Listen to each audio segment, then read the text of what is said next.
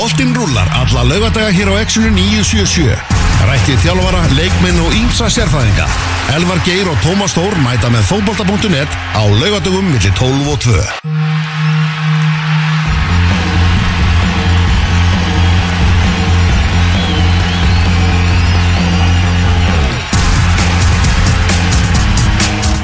Heil og sæl og velkomin með okkur í útastáttin fókbalti.net á X977 lögadaginn 27. januar í þráðbytni frá Suðurlandsbraut Elva Geir og Tómas Þór með ykkur til klukkan 2 í dag. Við erum með tvo gesti í þættinum í dag. Fyrir hlutan þá er það Kristinn Jónsson Greg Reiter síðan setni hlutan við erum bara að ná að skila okkur hérna á Suðurlandsbrautina. Það er gott að hafa borgastjóran sko að búi í breiðoltinu það er alltaf búið að móka núna. Býr eina þóstins í breiðul? Já Já, ok Þannig að það er að, alltaf búið að móka núna í bregðaltinu ekki, ekkert mál að koma að staðan sem eru, eru mikil gleði tíðindi sko. Já, fyrir mig líka, það sem ég þurfti fara í dag Þetta bílinn þurfti að vera heima Þannig að þetta var, þetta var gott, að, gott að gast komið sko. Já, En annars er nú ypparinn í gegnum flest sko. Já, það er ekki oft sem að Það var svona meira þegar dagur var Þá varstu fastur heima. Já, það er meira þannig. Já. Ég sé bara strax breytingar eftir að einar tók við. Áþreifanlega breytingar Eftir að sexi Einar uh, Þorstinsson Mætti sem nýjur borgarstjóru Reykjavíkur. Já, mikið fagnaðar hérna Heyrðu, þarna Jörgen Klopp, hann er uh, farinn. Eða eða ekki farinn, en hann mun fara. Hann er svona, hann er að alveg að þetta í kulnun.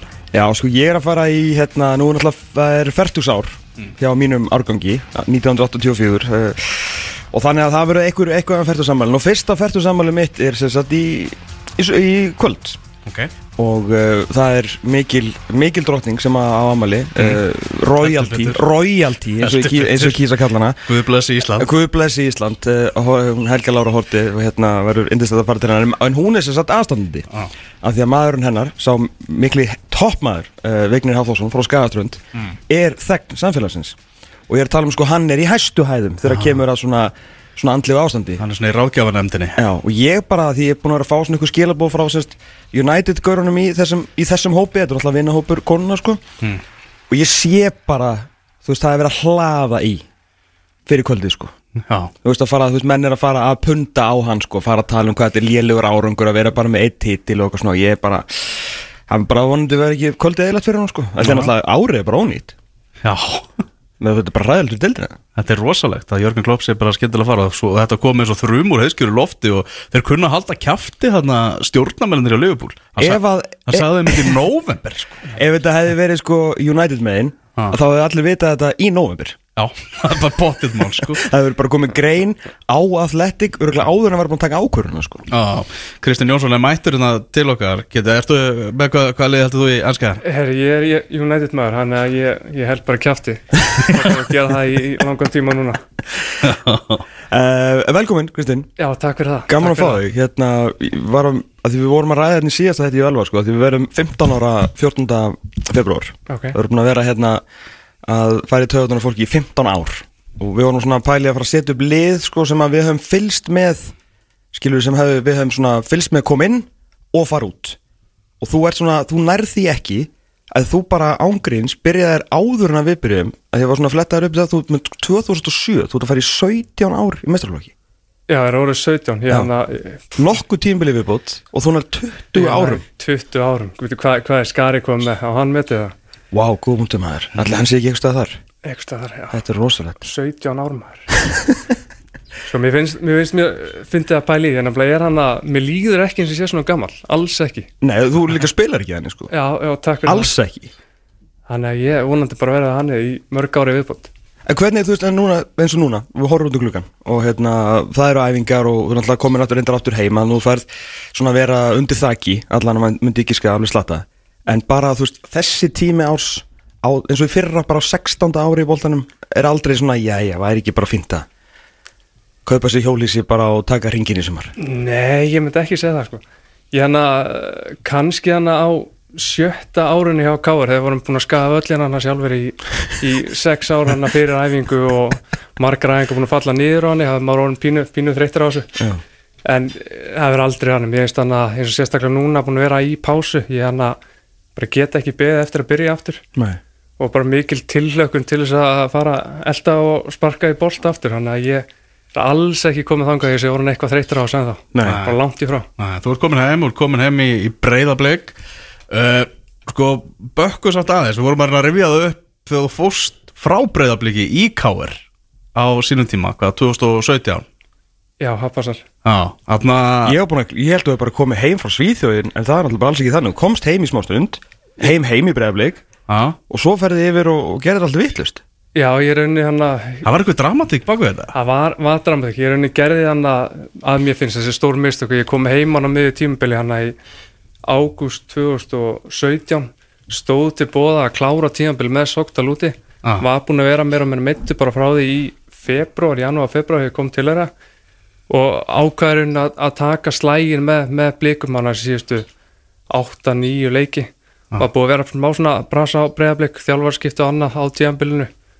Og hann að ég sjálfur í langt frá að vera í mínu besta standi. Bara var alltaf búin að spila, ég held ég að spila hann að 60 mínútur eitthvað frá því í janúar með, með Sogdal. Og áttur í raun að koma heim og, og vera í rauninu bara gamli góðu Kitty Jóns áðurinn ég fór út sem ég var bara alls ekki bara vakna nóttinni, dreipast inn í hennu og, og, og svoleiðis. Þannig að veist, svona eftir ekki var þetta mjög, mjög svona heimskulegt. Líka mikla væntinga til mér bæði frá mér og, og, og hann að liðinu. Og eins og segja hann að blíkalegi kannski ekki alvað að tikka svo, þú veist, var kannski erfitt að að fela sig kannski á bakvið, þú veist, ef að liðið er að spila vel á hann, hann bara svona komið hægt og rólega inn í þetta. Og þá er mitt þannig að eftir það síðan gerði ég önnur, önnur mistök upp á að gera. Að ég var náttúrulega með samning til hann að runni, lok desember.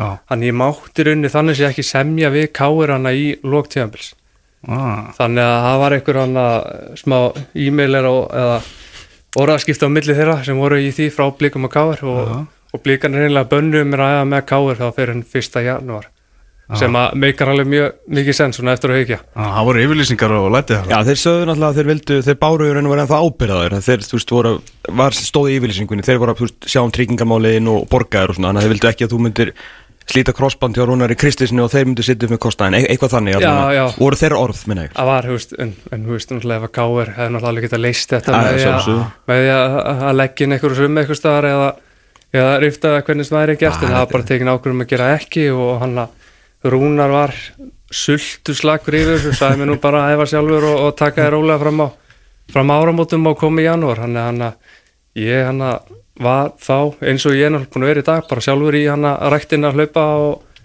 og lifta og svona smá bríðar bara frá, frá fótballtónu sjálfum. Þannig að ég held ég kom bara ferskur inn í þetta hann að í ári eins og ég gerði hana fyrir, fyrir sex árum. Þannig að það er bara fínt. En af hverju þetta múf á sín tíma? Þetta er, þetta er svolítið óvanlegt hérna heima að svona bara svona stólvorð heimamaður skiptum lið hér. Að að það þekkist meira og, og aðdunum sko í eitthvað annað lið. Já, já, en ekki nákvæmlega. hérna innanlands Sko ég hann að áður en ég fór fórinu til, til Sarsborg hann að tveim árum þá fann mér, fannst mér ég vera komin á hans stað ég þyrfti rosalega mikið að breyta til hérna heima. Og, og hann að fekk þá erunni tækifæri á því að fa fara út til Norex og, og, og síðan þegar ég kom tilbaka og fann ég svona smá svona eitthvað, ah, ég væri til í að fara og prófa eitthvað nýtt, sjá önnu félög og, og, og svo frammeðis og, og það stóðu til bóða að semja beint við KR og, og fleiri lið þegar ég kom heim. En ákvaða að taka eins og sagði slægin með, með blikum og síðan bara ég fór að pæla meira mér í þessu og er bara, herri, hú veist væri ekki skemmtilega að já, að, hú veist útvika aðeins sjóldarhingin og, og sjá og sjá annað og prófa önnu félög og, og vera þá með, með þjálfara sem að mér leist mjög vel á bæði bara í samtali og, og svona ég talaði var leikmenn sem voru Bjarni og, og Rúnar á sínum tíma. Og var svona spennandi koncept í gangi hjá Káir hann að ég ákveða að slá til og, og, keira á þetta þá. Já, þannig að það er svona en, en ógeðslega erfi áru eh, ákvörun á sínum tíma, Já, ég ekki trúa hali og þannig að alltaf, alltaf ótrúlega erfitt að vera heimamaður og fara í annað lið á Íslandi. Alveg saman hvort þú veist gerir ráfyrir í næri dildum eða í, í dild þannig að mhm og áttu náttúrulega, þú veist, út af þessu múfi og með hvað við gekk vel náttúrulega sérstaklega 2019 náttúrulega hefur bæði upplifað það að vera meistari með þínum klúb sem er vantilega einn tilfinning og aðeinsleg og vera meistari með knasputnum félagi Reykjavík sko, sem er náttúrulega í þessu landslægi sem við búum við er náttúrulega svolítið stórt sko. það er er eitt að vera meistari eitthvað stórt í bæinn síðan að vera, veist, vera Íslandsmeistari með káir það er alveg, þetta er, þetta er stærra heldur en kannski maður átt að segja á Já, ég held að, ég held að hann að ég held ég kannski eftir að átt með meira meira á því þú veist, eftir ferilinn. Uh, fann í rauninni ekki mikið mun, þú veist, helsti þegar ég vann með, með breiðablíkar blíkar og vinni í fyrsta skipti. Mhm. ég er heimamaður, bí náttúrulega og, og fólk í næsta húsi fagnar þessu líka. Nei, þú veist, að- Níu af ellu í byrjunleginu uppaldir sko. Já, nákvæmlega, með að kannski vesturbænum var maður að keira á æfingar, beint úr vinnu og, og fara fljótlega eftir æfingu þannig ég uppleirun aldrei þessa, þessa heima, heima stemmingu sem kannski strákanir sem eru uh, eiga heim í hverfinu Já. upplöðu, þannig að þetta er svona öðru sér að því leiti og ég held að finn, finna strax núna ef maður veist, maður ætta með, með strákinni í Íþróskólan að það er fólk að sem er spennt fyrir þessi að koma heim. Þannig að það er, er svona aðeins öðru að vera, vera hann að uh, búa í bæjarfélaginu heldur en að vera, vera að keira í annað bæjarfélag til að fara á æfingur og, og spila með liði það er svona, þetta er eiginlega tvent, tvent ólík finnst mér allan. Sko líka báði tillandiðinir Þessi tveir sem er mjög skemmtilegir uh, En fyrir hvoru tímabili hefur vantilega svona búist við því endilega að vera að fara að vinna þetta? Þannig, og raun og kannski ekkit endilega Allan við vissum náttúrulega ekki hversu góðið voru þegar voru hann litlir í breiðablíki sko. það, það var bara indislegt að, að sjá. Káliði náttúrulega eins og mikið var talað um þá bara gamlir hundar sem áttu náttúrulega ekki að geta klára mótið þér að sko. En það var svona báðið svolítið óvendir og skemmtilegir Tillar Já, mér hann að kannski ég man svo sem ekki eftir hann að aðdraðandan 2010 uh, voru náttúrulega dálítið meðbyr með okkur meðbyr með okkur, unnum hann að byggja mér stilin ári undan. Einmitt. Uh, allir voru árun eldri og rosalega mikið ungum og hann að Mhm. bara hrikalega góðum leikmönnum, efnilegum leikmönnum.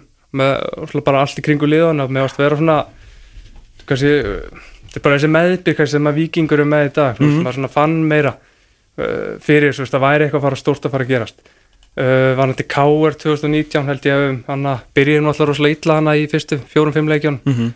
hann að kom kannski daldið svona óvænt út af við en, en, en ef ég horfi á líðið og hópin það og fyrir maður ríkala bara góða, sterka og hann að já, bara góða leikmennirni það er ríkala stóran og breiðan hóp og að- bara topp gauðra í, í öllum stöðum og Rosa reynsla. Já, reynsla og miklu persónleika líka Já. sem voru, að, voru að gera góða hluti bæði í fótbolta og, og annar staðar í lífinu Já, náttúrulega bara þú veist beiti rifin og, og vann að holtaður heiðinni og hérna, svo náttúrulega Pálmi í svona smári vennsmá búið að vera svolítið erfið tjánum eftir að hann kom heim sko mikið tala um launin versus hvað hann búin að gera og hann bara sagði allum að fokka sér bara yfir heilt mót, var alltaf algjörlega trilltur sko. Algjörlega. Mótið þess Artósingar líka á þennan á miðunni, geggjaður sko. Já, Adda, já, já, og hérna, það var mikið, hérna, þú veist, það voru gott, við alltaf fengur lítið á okkur mörgum, þið voru rosa þéttir og bara svona gott fótballalið sko.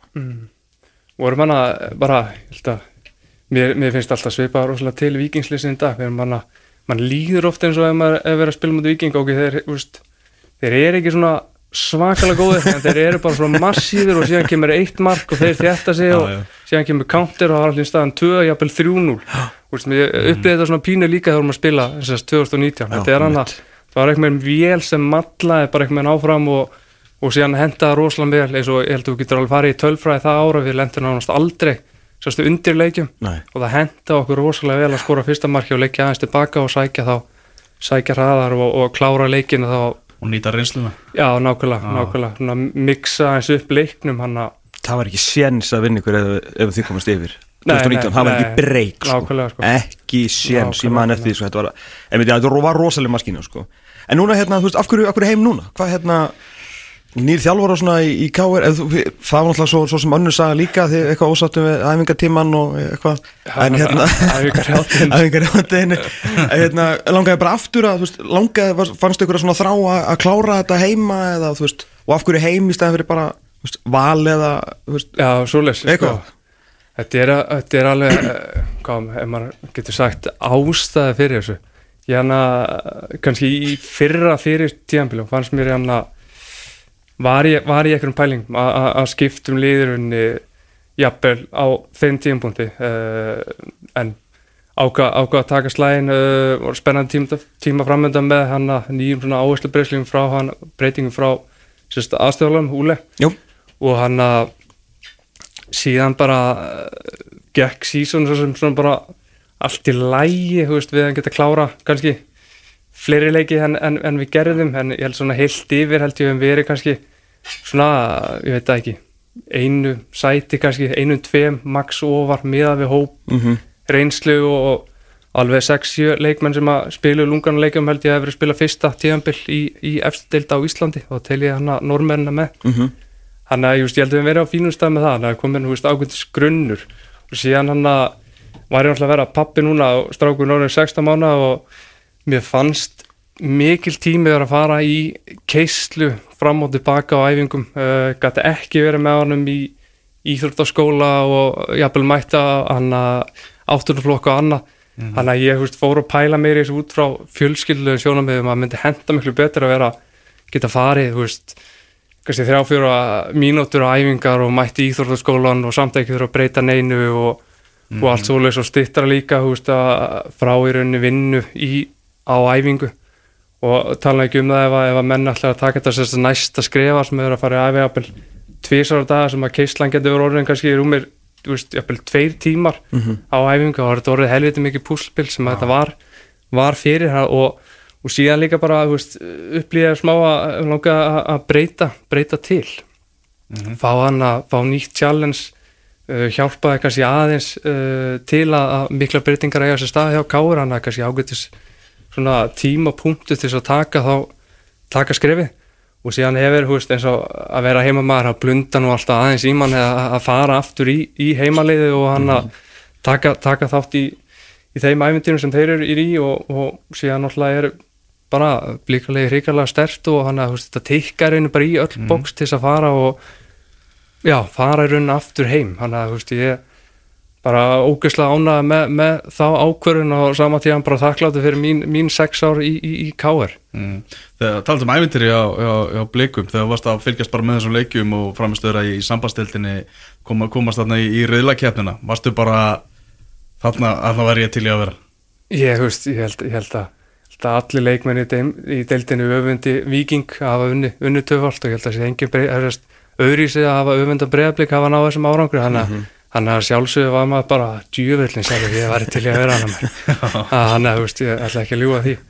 Þannig að en bara ógustlega vel gert í þeim og, og þannig að vorandi bara eitthvað komin eitthvað smá komar að segja umgjörð eða reynsla í Európa til þess að mögulega að ná þessu uh, að gera þetta aftur á, á komand árum. Mm -hmm. Náttúrulega bara lengsta tímabill sögunar í, á Íslandi hjá, hjá blikum núna þannig að hvað, er ekki æfingar að fara að hefjast núna? Hvað á hverju á? Bara undirbúinstíðabillu fyrir næsta tíðabillu bara ekki byrja Herðu, þeir eru, hana, þeir eru í hana sektaferði núna, uh, liði held ég komið heima á sundagin og það er fyrsta æfing núna það sem er raun allir eiga að mæta núna á mándagin í, í, í hátteginu mm. þannig að Já, það er bara uh, spenntir að byrja með öllum leikmennum en það eru nokkri sem eru búin að ræfa frá í, í rauninni hvað 8. janúar, tvísari viku fólkstæðingar og síðan eru hlauplíka mm -hmm. og það er kannski verið mest megnistrákar í þriðja og, og öðrum flokki og síðan hefur svona einn og einn verið að skila sér núna fyrir, fyrir frínu mm -hmm. þannig að það er fínt að fínt að fara að byrja þetta bara.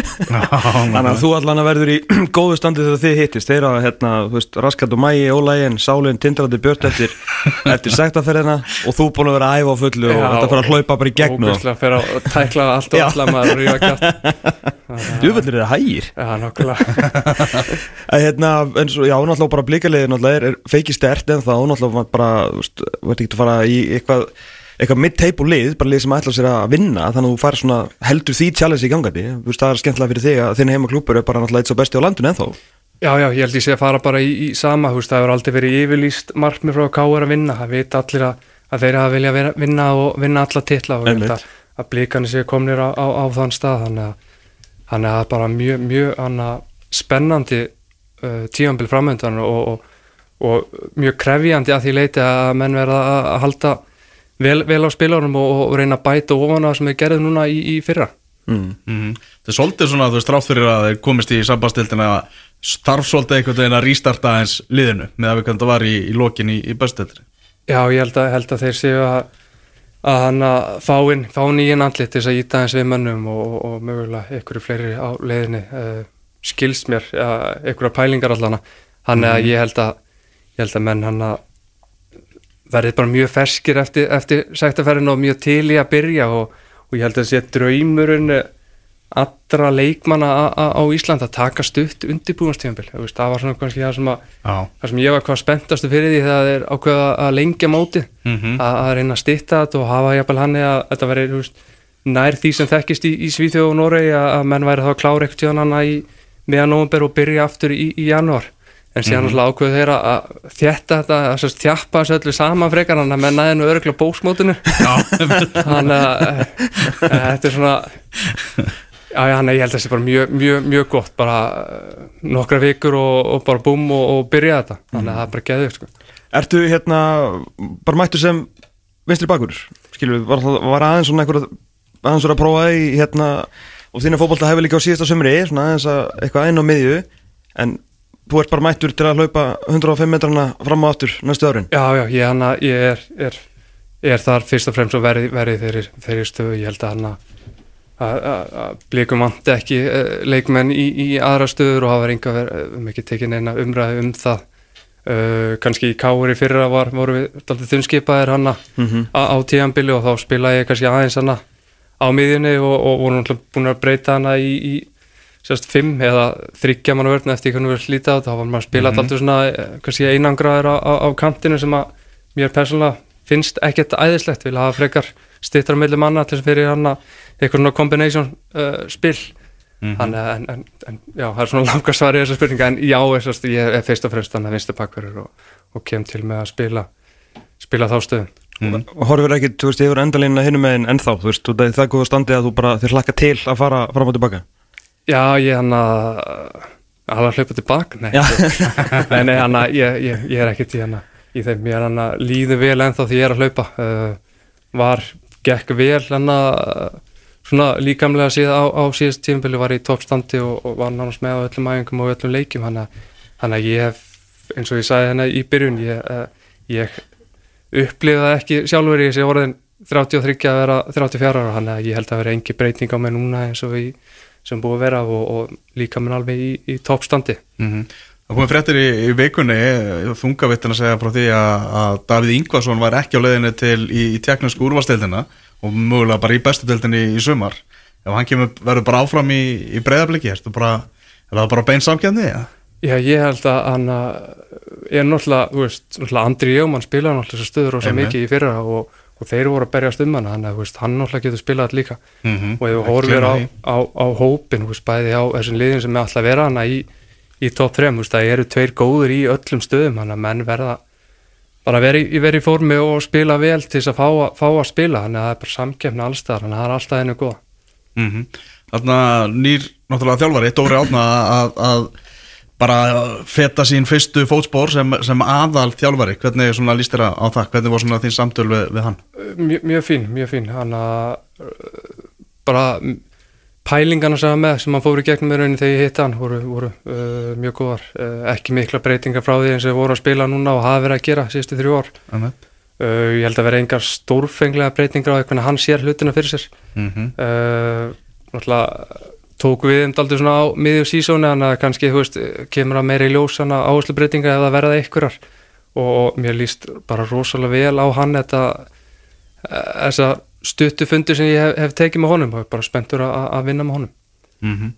Þannig að við vorum með ótum að bara spána hérna fyrir tæpum ánuði síðan, það stýttist reyngalega þetta mót, byrjum, byrjum snemma bara hvernig er bara fyrringurinn og fylgjast með þessu núna það er svona hvað silly season eins og við köllum það eru stórn upp búin að vera að koma heim og við erum búin að dreifa svolítið á, á, á leiðin það er svolítið svona við erum búin að tala um það það er eins og svona efri hlutin á, á næsta tímabili getur orðið bara reynilega magnaðir Já bara spennandi hérna bara eins og í ár, það verða alltaf tvö, þrjú lið og síðan náttúrulega eitthvað lið sem að koma á óvænt sem að íta þessum liðum sem að kannski eiga að vera fyrirfram í, í top 6 ah. þannig að verða tvö, þrjú sem verða fyrir miklum vonbröðum og, og verður allt umulögt og, og glata að vera í næri helmingum og vinna veist, hvað, hvernig fórsetta byggjan þar eða hvernig sem það verður. Mm þannig að en það er bara hægni góð og ég held að, að deildin er alltaf að vera, vera betri. Uh, verða hann að hærra röngu líka uh, út af við sem er jákvæmt mikið af leikmennu sem fóru út fyrir svona 10-14 árum sem að mm -hmm. virðast allir vera að skila sem eru að menna tilbaka mm -hmm. sem gerir deildina bara já, ennþá meira spennandi og, og, og krefjandi fyrir hana öllu þannig að það er bara þennu góða Skiptið þig einhverju máli að vera að fara að spila á gerðurkassi aftur? Eða þá er ég menna þú veist alla heimaleiki líka? Nei, ég, hana, ég held persónulega að, að, að hendi mig betur að vera, vera á, á gerðgrassi og ég held líka að liði sem að eru á grassi veist, að ég er alltaf veist, veist ekkert hvernig þetta verður í hann að, hvað er ekki, fyrsti leikur 7. 7. apríl mm. -hmm. vantilega að ræða þessu aðeins betur upp í ára en að hafa fyrstu 2-3 leikina á, á gerfigrassi hjá öllum liðum Já, það er þannig Þannig að, veist, ég, þú veist, ég er ekkert eitthvað ógislega, þú veist, ef maður horfur á tíðanbilið frá því fyrra, þú veist, ég held ég geti líklega bara næst í eitt fjóruða mótinu sem við í Káur spiluðum á, veist, velli sem var alltaf hægt að spila sko. Þú veist, ef þú telur, telur hann að IBF-leikin í, í eigum með, þannig að, það er náttúrulega ríkala, mikið prósendu uh, af öllum leikjanum sem fór bara í eitthvað svona, svona ekki að segja bull en þú veist kannski ekki fótbolt eins og við viljum vildum spila heldur og að maður meira í damage control og kannski aðeins meira þá í að reyna að vera að spila með við, við aðstæður. Náðu þið leik á miðvangi? Eða hvað var það, stjarnan og Það var stjarnan sem að Var bara Nei, einn við, við spilum þar líka? Jú. Jú, þú fæst líka miðvang. Yes, við fengum hann líka hann Og eigjar snemma. Því lít sumar hér að að eiga voru voru alveg í lokin. Það voru lokin, sorry. Það Það voru vikingarnir, já, sorry, sem það að er spila hann í byrjunum. var áhugavert að spila á vellinum í, í, í kriganum hann mala vellinu nánast. Það var svo stóri, stóri nullungur í vellinu. Alveg. þannig að þetta var ágættis ágættis sísón upp á það að gera. Ég sá einmitt þarna Twitter þráðin hann að Jólafu Öbbi þarna sem hann var að kveðja Ísland og talaði bara sérstaklega líka um bara að það var lífsreynsla sem hann hefði ekki viljað missa af. Og nefndi til dæmis leikin í Vestmannu bara að fara á einhverja vest fara á einhverja eigu bara í Ballarhafi Já, og vera að búandi á eigu í Ballarhafi.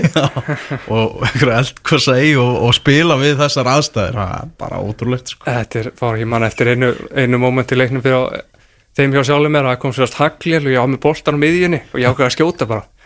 Af því ég vissi að markmaður myndi ekki sjá neitt. Það er alveg mjög áhært veist, ef ég hitt á marki sko. það er alls konar svona fítsjur að bættir inn í, í leikina. Ríkulega skellast uh, Líka bara, þú veist, þegar erlendi leikmenn er að, þú veist, fá svona eitthvað príma eigadæmi, þú veist, vond í sjóin Þú veist, 40 metrar á sekundu og þeir eru bara, já, hér bara, ég valdi að semja hér sjóveikir að spila fótbolta sko. Nákvæmlega sko. Já, þetta er alveg dæmi sko. Hérna, uh, en tímbili í fyrra aðeins með, hérna, með, með Káli, komst aðeins inn á áðan, þetta er kannski svona allt í lægi Hvað var svona, hvað vandaði upp á ef eitthvað? En náttúrulega svo voru náttúrulega líka bara góð lið hérna með ykkur í þessu og þú veist, eins og segja, er ekki, já, allt í lægi finnst mér þetta mjög bara fín lýsing á þessu En hefur náttúrulega getað gert betur. Ég held að vera hann að við náttúrulega veist fórum minni á ákveðna vegferð í byrjun sísón með hann að spila fjóra þegar þrjá. Uh, gekk mjög vel uh, á undirbúinstíðanbílu kannski undirbúinstíðanbílu í Íslandi pínu sett hann upp að þú spilar ekki kannski ekki mikið af leikjum við uh, liðin í efstilt. Þú veist mikið að spila bæði Reykjavík-mótinu og í hann að lengjubíkanu við kannski aðeins, aðeins minnilið og við reynilega völduðum yfir meiri hlutin af þessum leikjum. Og mann fannst svona pínu eins og við kæmum veist, á rönnun inn í móti sem var ekki raunin. Já. töpuðum hann að einhverjum fimm leikjum í röð bara alveg í byrjun og ég held að við verið neðistir eftir 7-8 leiki. Mhm.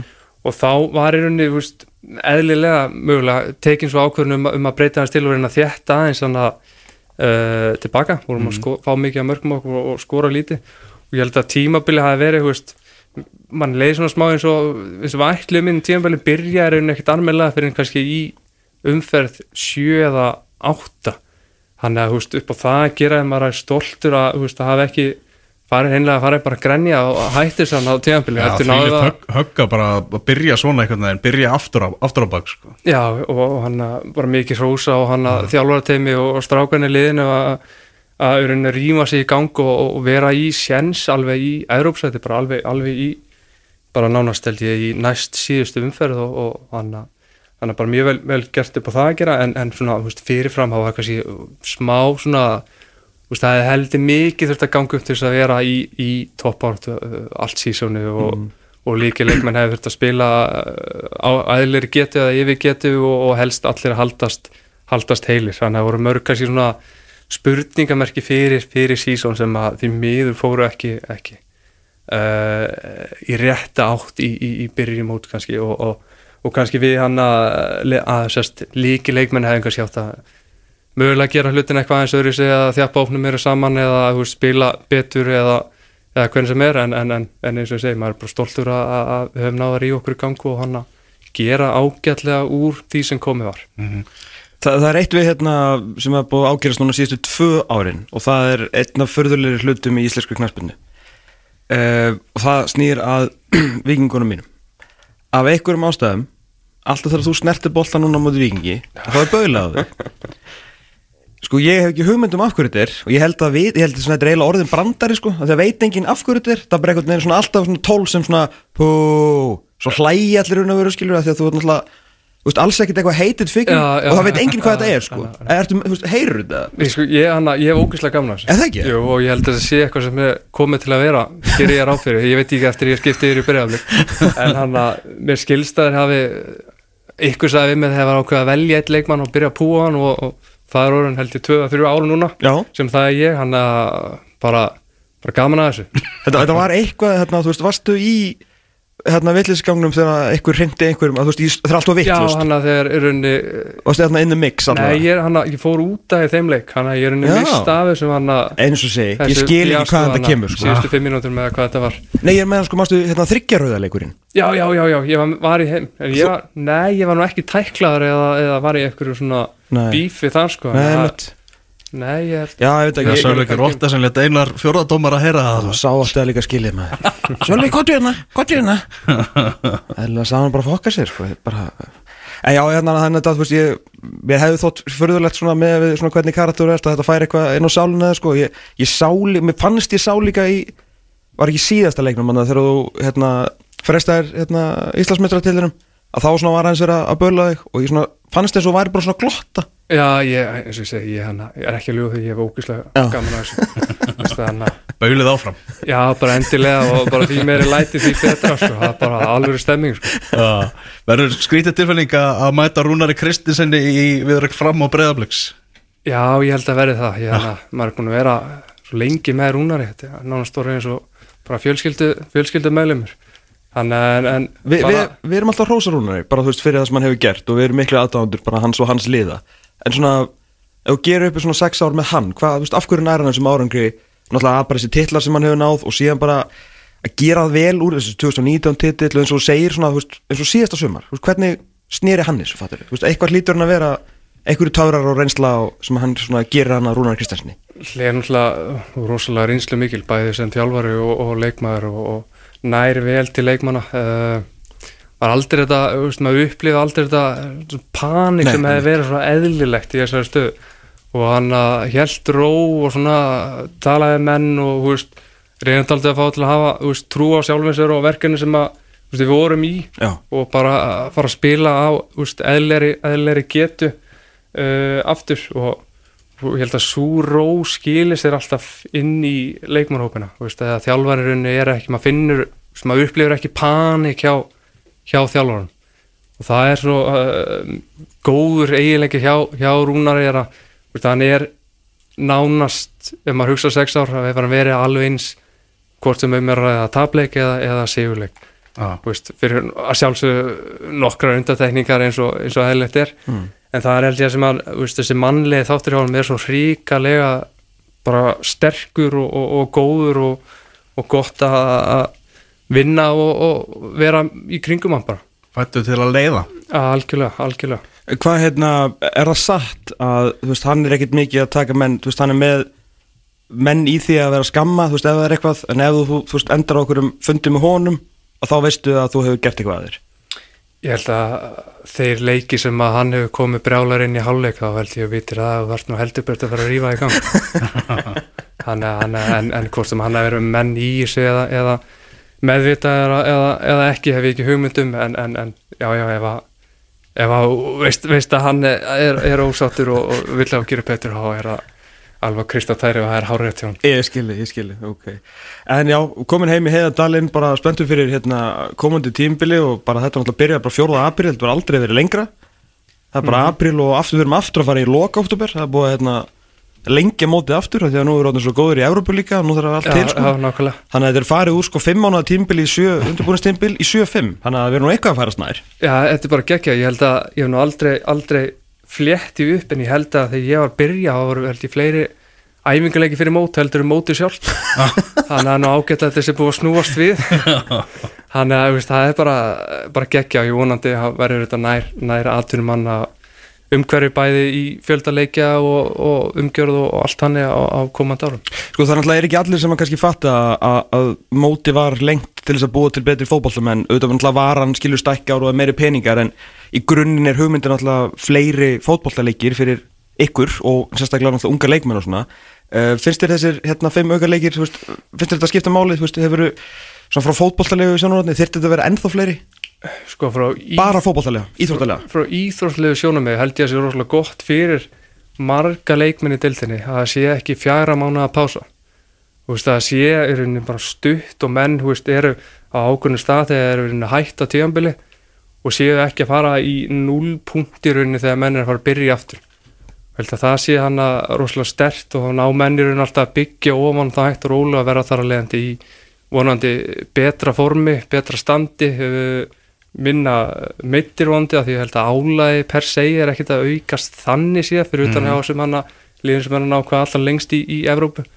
Og líka náttúrulega bara veist, ég held að sé alveg augljóst að hlýtur að vera betri fókbalta og spila meiri Já, mér finnst Þannig líka að- sko án þess að sem er tölur til að bakka upp þá finnst mér líka að séu fleiri ungi leikmenn sem er að fá tækifæri og að fá stærra hlutverk í svona lengra móti sko. Já, ég held að, ég held að við meðum þakka COVID að mörgu leiti fyrir það. Já, Þú uh, fórum úr hann að þrejum skiptingum yfir í fimm. Já, hann að menn er að nota, nýta hópana uh, betur mhm, sem er bara, bara jákvæmt og, og það er held ég að að það er helviti mikil munur að vera með þrjá skiptingar eða fimm upp á Já. hann að þú ert með vil gera, gera breytingar en þú er kannski ekki alveg að því að einhver er, er tæpur eða leikurinn að spilast á einn veg eða, eða annan veg hann Mhm. þannig að ég held að það er sé, stór, stór partur af slíku ég held að það hjálpi þeim alveg klárlega og hefur gert núna síðustu hvað er þegar við búið að vera í þrjú ár núna eða tvö já Líka ef við tökum, þú veist, bara fram sem dæmið, þú veist, þessu ungu strákar sem komu fram í dagsljósum til lokmóts, þú veist, í, í fyrra, þeir höfðu ekkert fengið að spila í átjánlega deild, sko.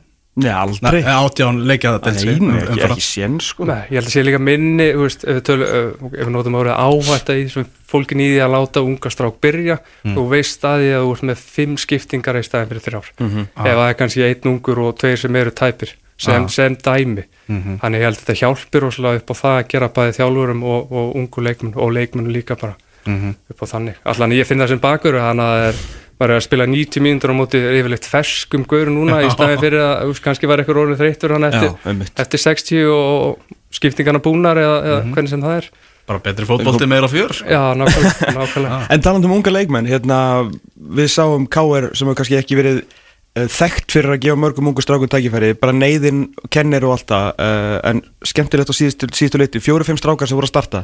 Uh, er þessi hérna, getur þú sagt, K.R.ingum alveg, það sem að þeir sáu er alveg, þú veist, real deal, ég menna, þú veist, Lukas og, og hérna, og Benoni og Jói og svona, þú veist, er þetta strákar sem verða eitthvað? Já, ég hann að, ég sagði nú, vil gera að setja eitthvað pressu á, á benan, ég, en fyrir tíðanbili fyrir á fannst mér hann alveg klálega kanta til að vera einn af, af raunni bestu ef ekki besti unguleikmarinn í, í deildinni. Var pínu meittur þegar hann kom en, en bara hrikalega mikið fótbolt og mikið gæði í honum og, og, og, og, og Jói Bjarnar náttúrulega líka eins og hann er, þú veist, svona, fullorðin að Já, að já. mörgu leiti bæði hann að skroknum og, og, og andlega líka bara og rassin út eins og pabbi og Já, bara nákvæmlega, svona... nákvæmlega. Þannig og, og Lukas kom inn í þetta miða tíðanbel og gerði hrikalega vel Já. úr þeim tækifæri sem hann fekk og síðan var náttúrulega með Jakob Frans Jakob sem líka, að- sem er náttúrulega komin yfir í val núna. Þannig að, að klálega og ég held þetta Þetta heilir strákar? Já, mjög heilir. Ról, róli, það er svona flesti róli jú, kannski aðeins aðstöð en hann að en bara eh, framtíðin alveg klálega þeirra en, en bara mikil vinna framöndan hjá þeim að- taka næsta skref og, og halda dampi yfir hvernig þeir stóðu sig í, í, í fyrra. Og ég held að þetta sé bara gott fyrir káir að sína út af við að, að hér geta ungi leikmenn sprungið út og fengið sénsinn og, og, og spila nánast alla leiki eins og þeir gerðu Það er kannski erfitt fyrir að leggja þú veist, mat á, á þig og veist, það sem að vera í kringu þig en, en hafa ungi leikmenn eitthvað breyst frá því að þú veist, þeir voru þarna allir 17-18 ára að koma upp í breyðabliki er þetta, er þetta öðru vissi menn öðru vissi fótboltamenn? Mér finnst, ég, ég held að, að klúpar skapi ákveðna menningu og hvað ungi leikmenn gera sem að koma á æfingu, þú veist, þá er ég að tala um hvað menn gera fyrir æfingu og eftir æfingu.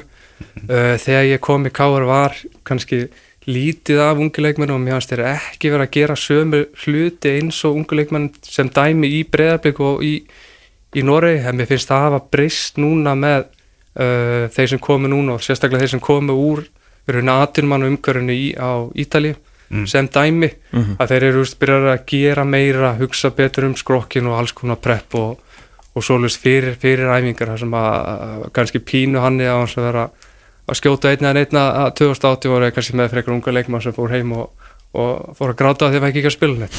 Ah, skilur amen. Já, Þannig að mér finnst það, þú veist, er, en þetta er, veist, hefur rosalega mikið með að gera hver menningin er hjá hverju félagi fyrir sig og, og, og menn sógast aldrei inn í það eðlilega þegar eru að koma nýjir inn, ah, inn í uh, meistaraflokks umhverju og, og fylgja vantalega þeim sem eru þar fyrir að gera alls konar hluti. Já og margir af þessum ungu strákum eins og þessi káringar náttúrulega flestir búin að prófa 1, 2, 3 ár í bara í grimdinni sem er atvinnumannaboltinn sko Já, nákvæmlega, Þannig að- nákvæmlega. Að það er bara, og það er þroskast hratt já, þarf að gera það. Þetta er betur Kristján Jónsson, bara frábært að að fá þig Hvað, hvað tekum við núna? Hvað gerir Kristján Jónsson um helgar? Herru, ég bara vera með stráknum, ég ætlaði Já. endur að fara og hlaupa núna, taka síðustu hlaupaðinguna fyrir að hann það byrjar á, á mándaginn. Hlaupa bara heim hérna Já, ég get, já, kemur ekki blind stormur aftur, það er það er allt í lagi en annars er, held ég að ég fari bara uh, hlaupa á og síðan bara fara út í búð og vonandi elda einhvern góðan, góðan mat í kvöld með, með kæristunni og, og stráknum Hljóma frábælega. Kristján Jónsson, takk hjálpa fyrir komuna, gaman að fá þig. Já. Við höldum áfram eftir augna bleik að styttist í að uh, fyrst að einn er farin úr káir og þá fáum við eitthvað sem er komin í káir. Greg Ræder er mættur og ætlum að ná að losa kitta hérna áður en hann kemur hann að fara ekki allt í, allt í háaloft út á æfingatíma. Fyrir líka við frétti vikunar hérna til smástund Ofan í fréttamannafundinu Jörgen Klopp í gær þá uh, tilkynnti Brentford um komu Íslandings í markið. Hákon Rafn Valdimarsson er mættur í Brentford, hvorki meira enn minna heldur betur uh, reisastórt fyrir Hákon. Eins og mikið hefur verið fjallað um uh, Gummi ger, tók hann að gott viðtal við, við Dóra Átna og hann var sem sjálfur í viðtal við Brentford að tala um það að þetta var eiginlega bara tilvílunum háð að hann endaði sem fótboltamarkmaður og hann er komin í Premier League, þetta er náttúrulega gjössalega magna Já, þetta er náttúrulega algjörlega geggjað og veist líka hann hafi, þetta var ekkit uh, tölvupostur sem var sendur á félagin, það var bara myndband og læti. Já, Þeir eru ekkit að, er ekkit verið að gefa út myndband fyrir leikmenn sem þeir ætla ekkit að nota. Nei, og bara sko viðtal- Fílík viðtöl, viðtal við hann, viðtal við Tómas Frank Viðtal við sænskan fréttamann. Mhm. Það var bara mikið, mikið gert úr þessu.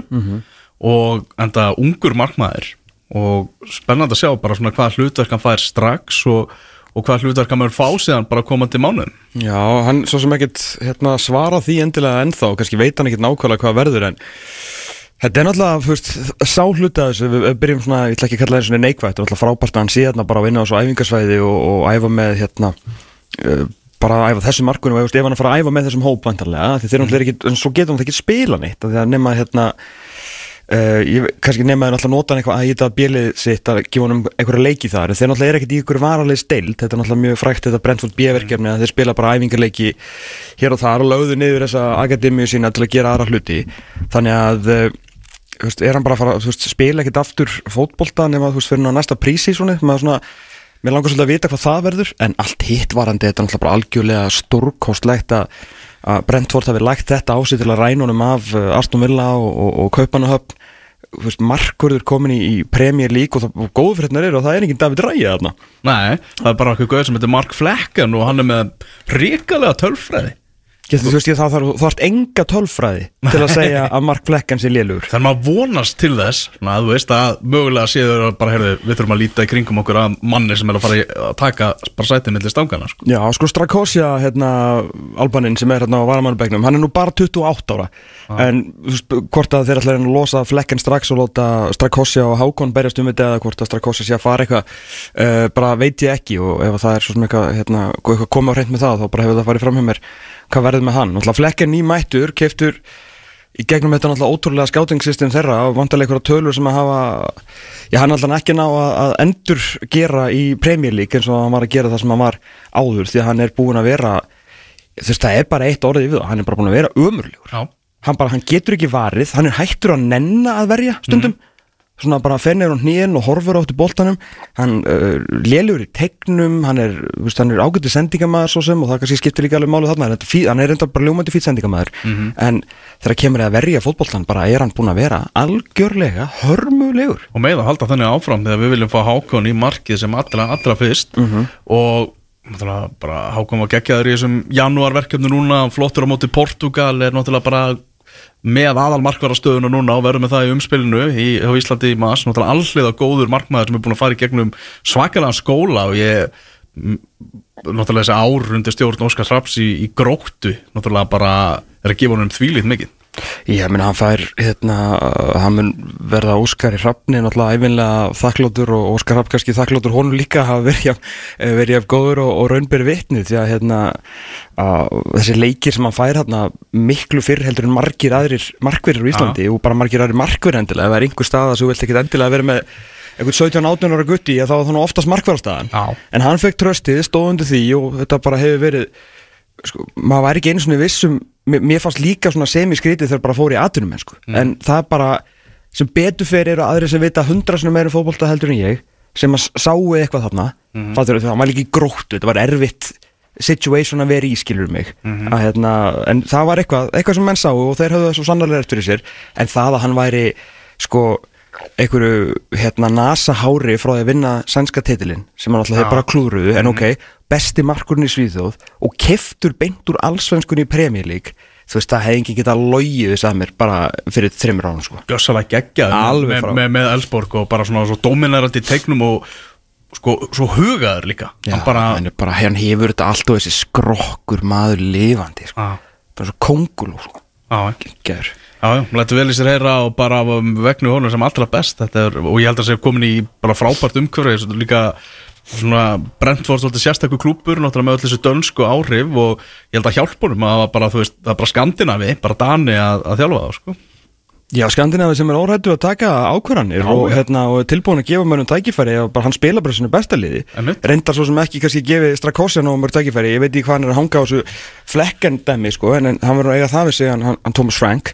Uh, en já, þetta er alltaf frábær klúpur að veri og ég hérna, syns þessi staði nú við stangið hérna á síðan að, að ég fekk nú svona bara insight info alveg bara úr sem sagt bara njóstnabúðunum frá hjá Brentford. Að ég þekki mann sem að þekki mjög vel til þarna og sem að þekki mann bara í teiminu þarna. Ah. og þeir eru bara búin að þeir eru bara búin að vera að skoða núna bara í marga mánuði.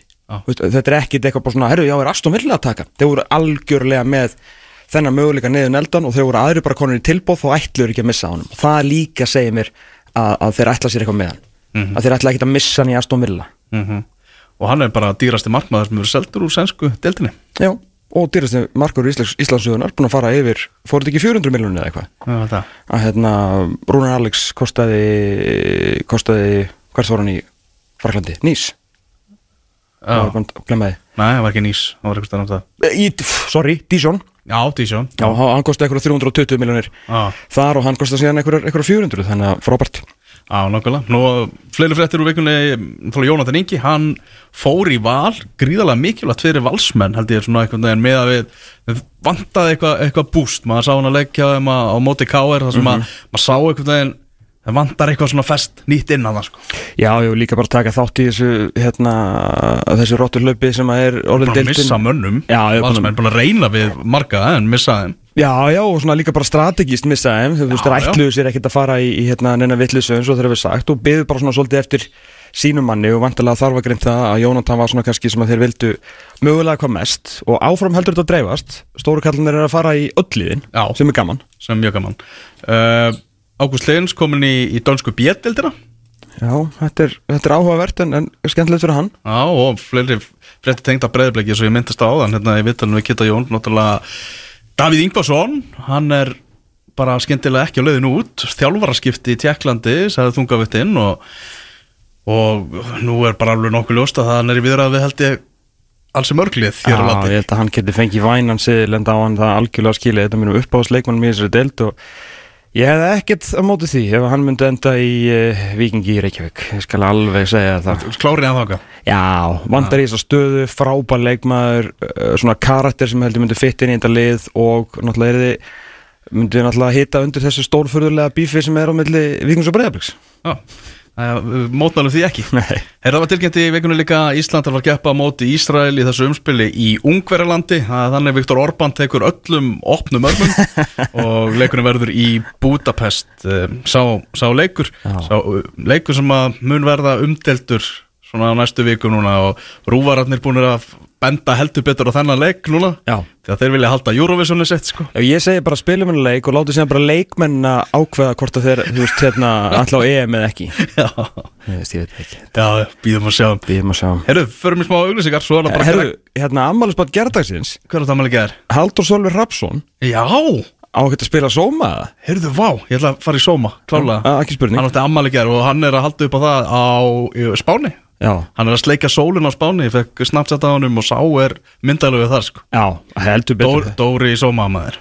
Maðurinn sem er að koma með The Good Times, Back to KR Greg Reiter, eftir augnablik. Þú ert að hlusta fótbolti.net á Exinu 977 Já, áframhöldu við þennan laugardaginn og nú ætlum við að skipta um tungumál Nú ætlum við að skipta yfir á, yfir á ennsku og, og hérna er, hvað erum að gera að, að Tom leiði það Held ég eh, sestur hjá okkur eh, nýráðin þjálfari KR eh, komin aftur heim eftir að já, heim til Íslands segjum við Back to Iceland and now with Do you say KR or KR when you're speaking? But I don't think it'll sound as good when I do it in Icelandic. Is Yeah, it was good that okay? Yeah, it was good. Okay, Yeah. I've been practicing, so I hope it was okay.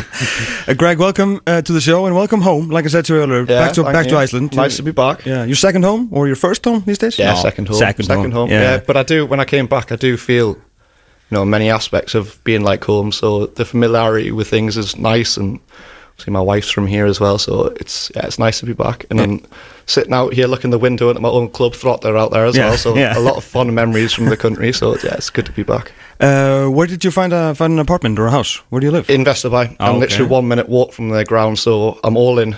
Are you in the in the cellar apartment on Ayasida? Where? Yeah. Really? Ayasida. Oh, okay, nice. Yeah, Yeah, I've been there. Yeah, okay. Henrik Butker, I think, lived there. Okay, I'm in the middle floor. and- Oh, okay, okay, okay. Nice, nice, yeah, nice. Yeah, that's good. I've got, yeah, I've got family and kids there, so Okay, nice. yeah, Ah, very yeah. good. So, so how was the how the first months been? Great. It's been a um, yeah really interesting start. Um, it's been exciting and there's been a lot of positivity, which is good. There's been some things that even though I'd lived here for a while surprised me about you know things in the club and stuff. So, um, but it's been all positive. It's been really good. Yeah, I mean, uh, not every uh, fan of Coward was uh, maybe over over the moon with you know you being hired. Of course, I mean, Runar Christensen is going away and Greg Ryder is coming in here. He used to coach Throtter. I mean, these are arrogant people. They won it all 26 times, and they didn't maybe know. Uh, but when you when you talk to the fans of Kau- now, they, they seem to be getting more and more to you, uh, like liking the hiring of you more and more. Yeah, I think, like you say, when you replace Ruben, it's going to be a very difficult Yeah. uh, position to fill. So I think it's And and you knew that. Yeah, yeah, and it's completely understandable. You know, he was a club legend there, and he won so many titles, so it was also going to be difficult. And I think also the fact that you know Oscar was linked quite strongly with the job, and he's from Cower, and he's had so much success here. so of course, I'm not going to look to sort of put my name up against those guys because they've done it all before. So Yeah. I can, yeah, I completely understood the.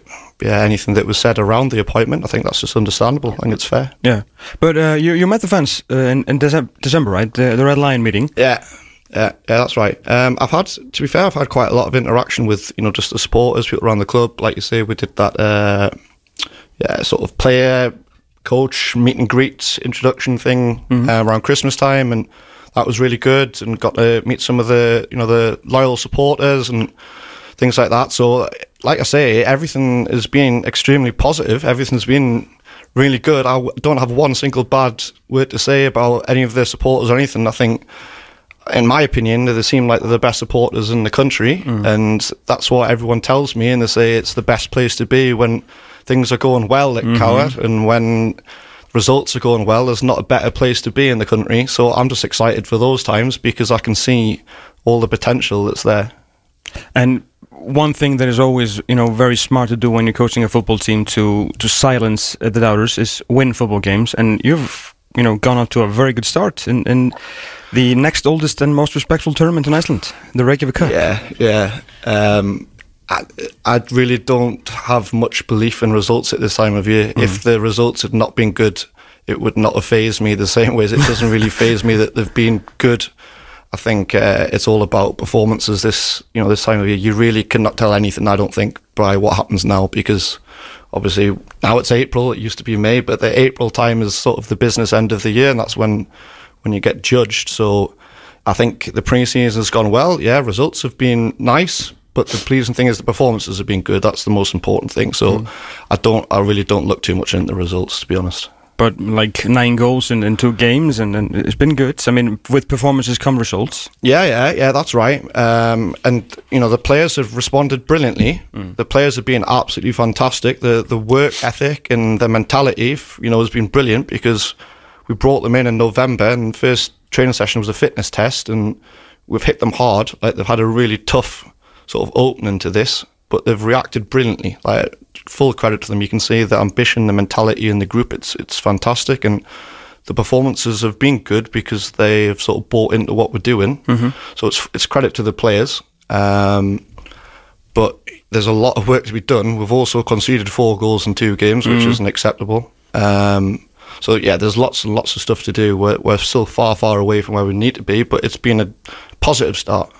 Uh, and you might be. I mean, Runa was doing it last season, maybe a bit out of you know, he he had to do it and play uh, some younger younger kids and, and younger players, but it's kind of a, a newfound thing in in Kauer, you know, playing these the, these young kids, and it, is not just only the uh, the guys that uh, had come home from Italy and such, and you're you're also just using like uh, like Rapn and, and the the younger Coward boys. So it's it's a younger Coward team that no, we've seen for a long is, time. But I think that was probably one of the most appealing things to me when we spoke about the job. Um, you probably, I don't know if you'll believe this or not, but I didn't ask anything about how much money we were going to have to spend on players. So I genuinely didn't ask that question. Mm-hmm. Like that wasn't the the main sort of selling point for me. It was the fact that there was obviously a really good group of young players that were there, Mm-hmm. and also ones that maybe hadn't played as much that could. You know, I could mention two, three names in that. Like we call them Crummy and. Mm-hmm.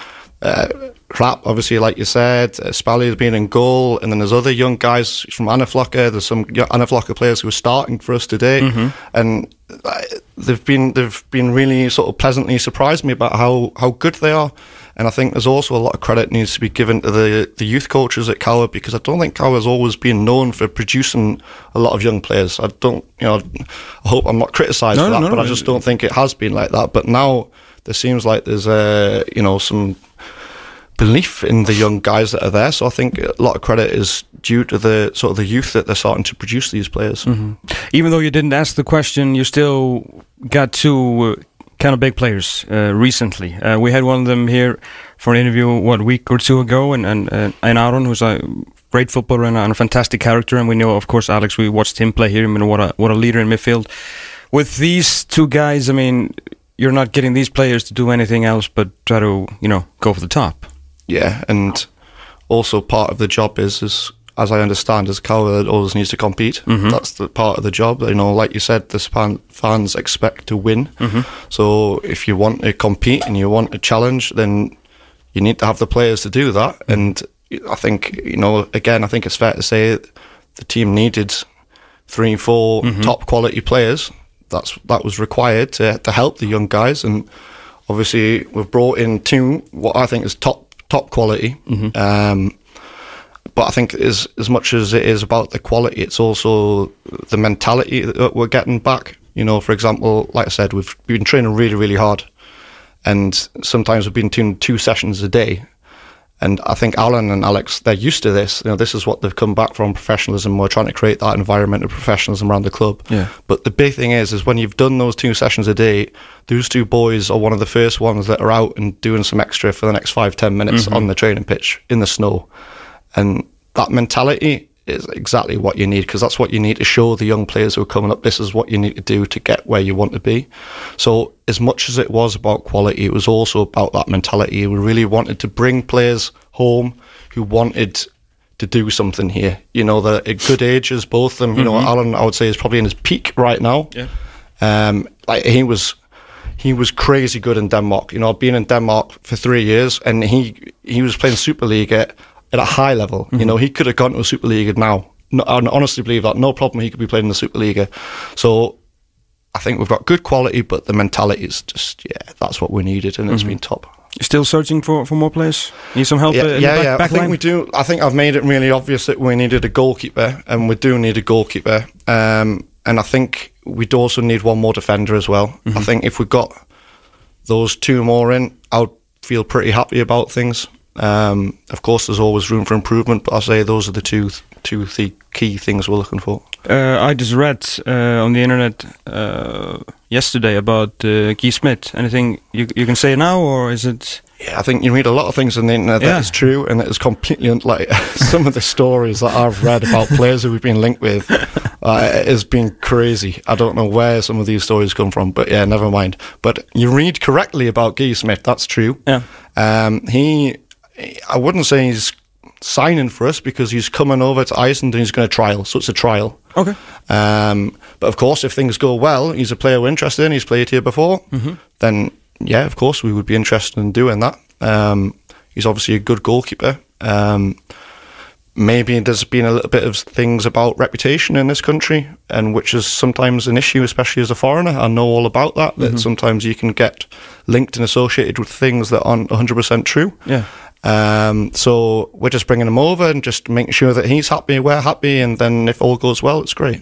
I just think it's really important that, like I said before, we get the right character, mentality in about the players. So we need to be really top on our recruitment in terms of the profile that we're bringing. Yeah, the, the uh, former players of yours who have been, of course, uh, since you were hired, just talking about uh, you as a coach, and you know, pretty much, and, and you you also been, you know, honest with about the mistakes you made, and you, you said, it, of course, when when you started out, I mean, you were like 13 or something when you were coaching here first. I mean, what what maybe the major mistakes uh, that you did that you you're not gonna that you learned from?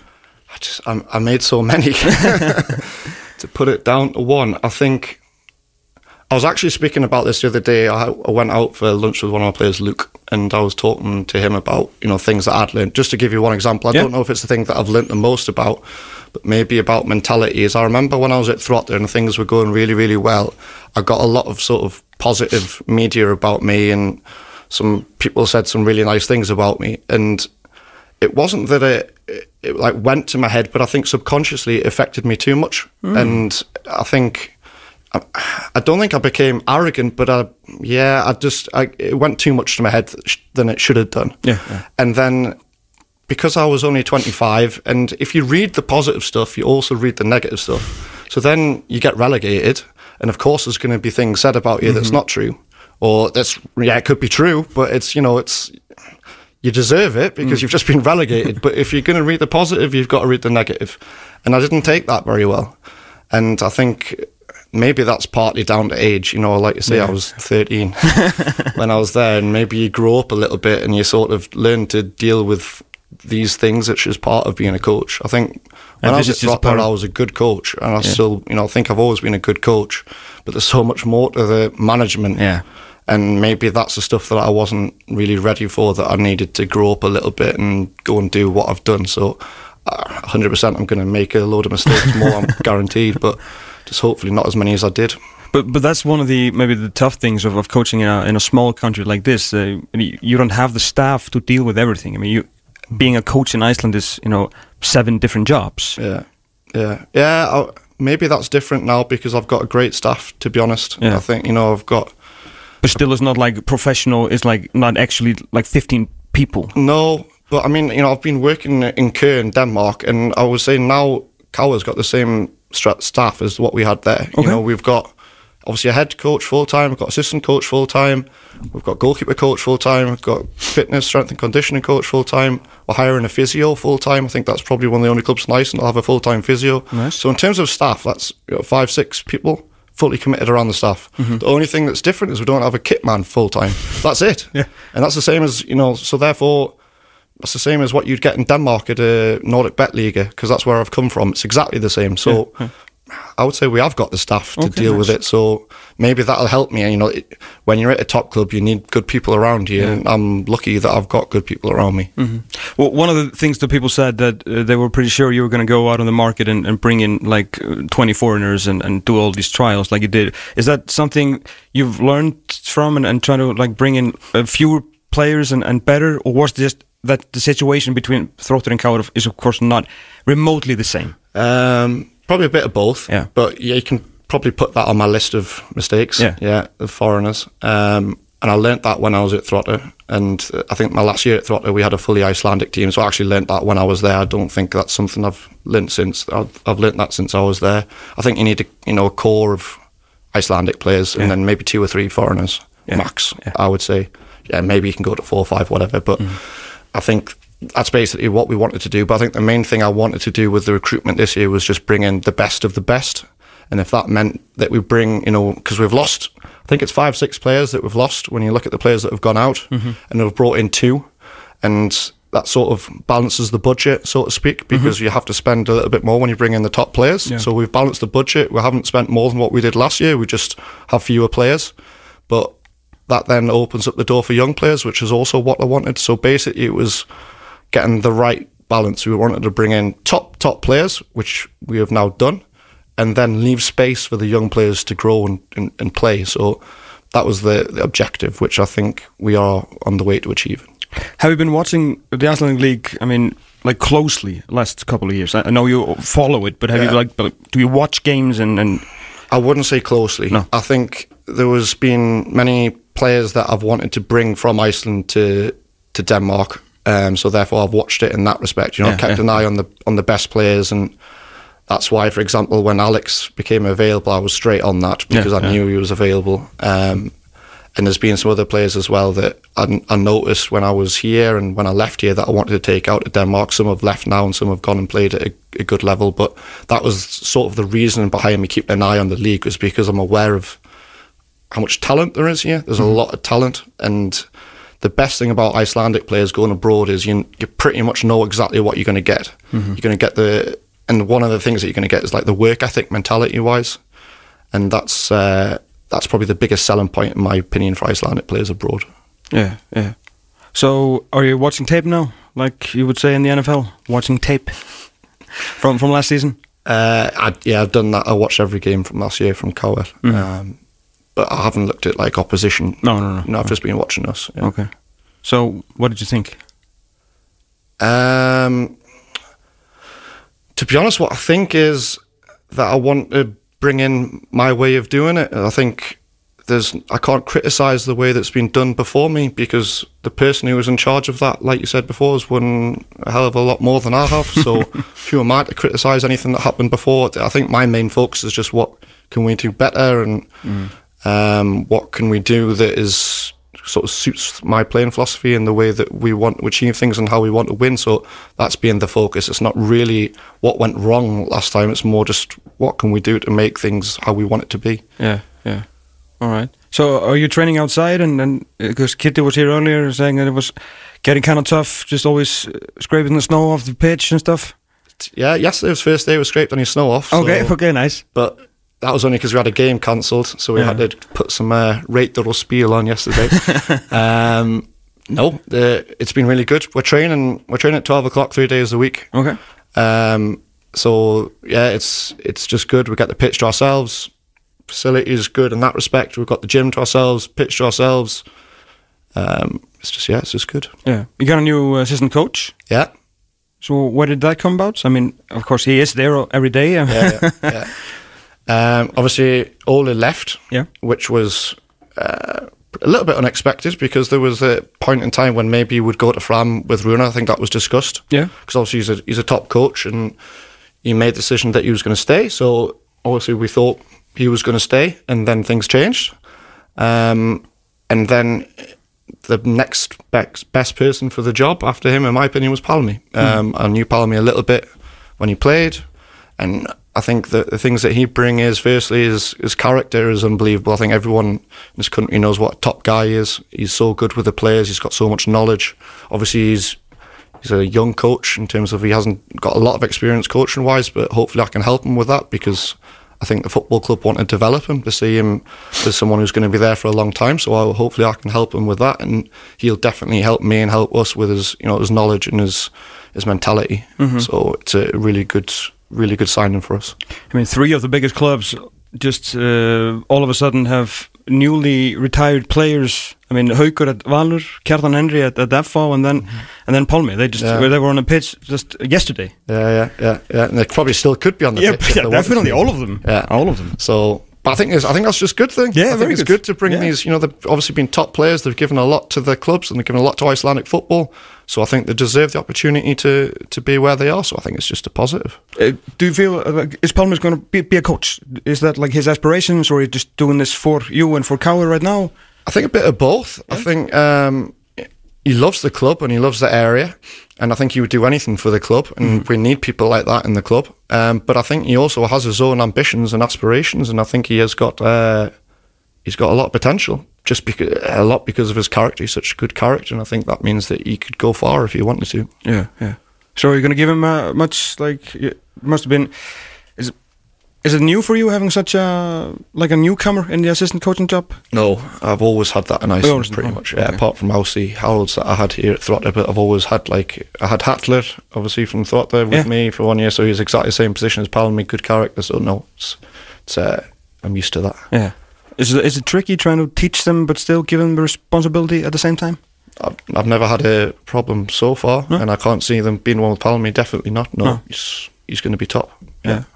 So when you're watching the uh, cover games back from last season, uh, obviously you've watched the other teams uh, a couple of times. It goes without saying they they met the other teams. So what did you think about the level of the league and, and maybe the and maybe the top half? Yeah, I think it's uh, it definitely improved since I left. I think Oscar and Adna changed the league for the better. Yeah. Um, I've been so impressed by the style of play that they've brought to Iceland. I think it's made Icelandic football better. I think people outside of Iceland have also noticed the league more because of what they did.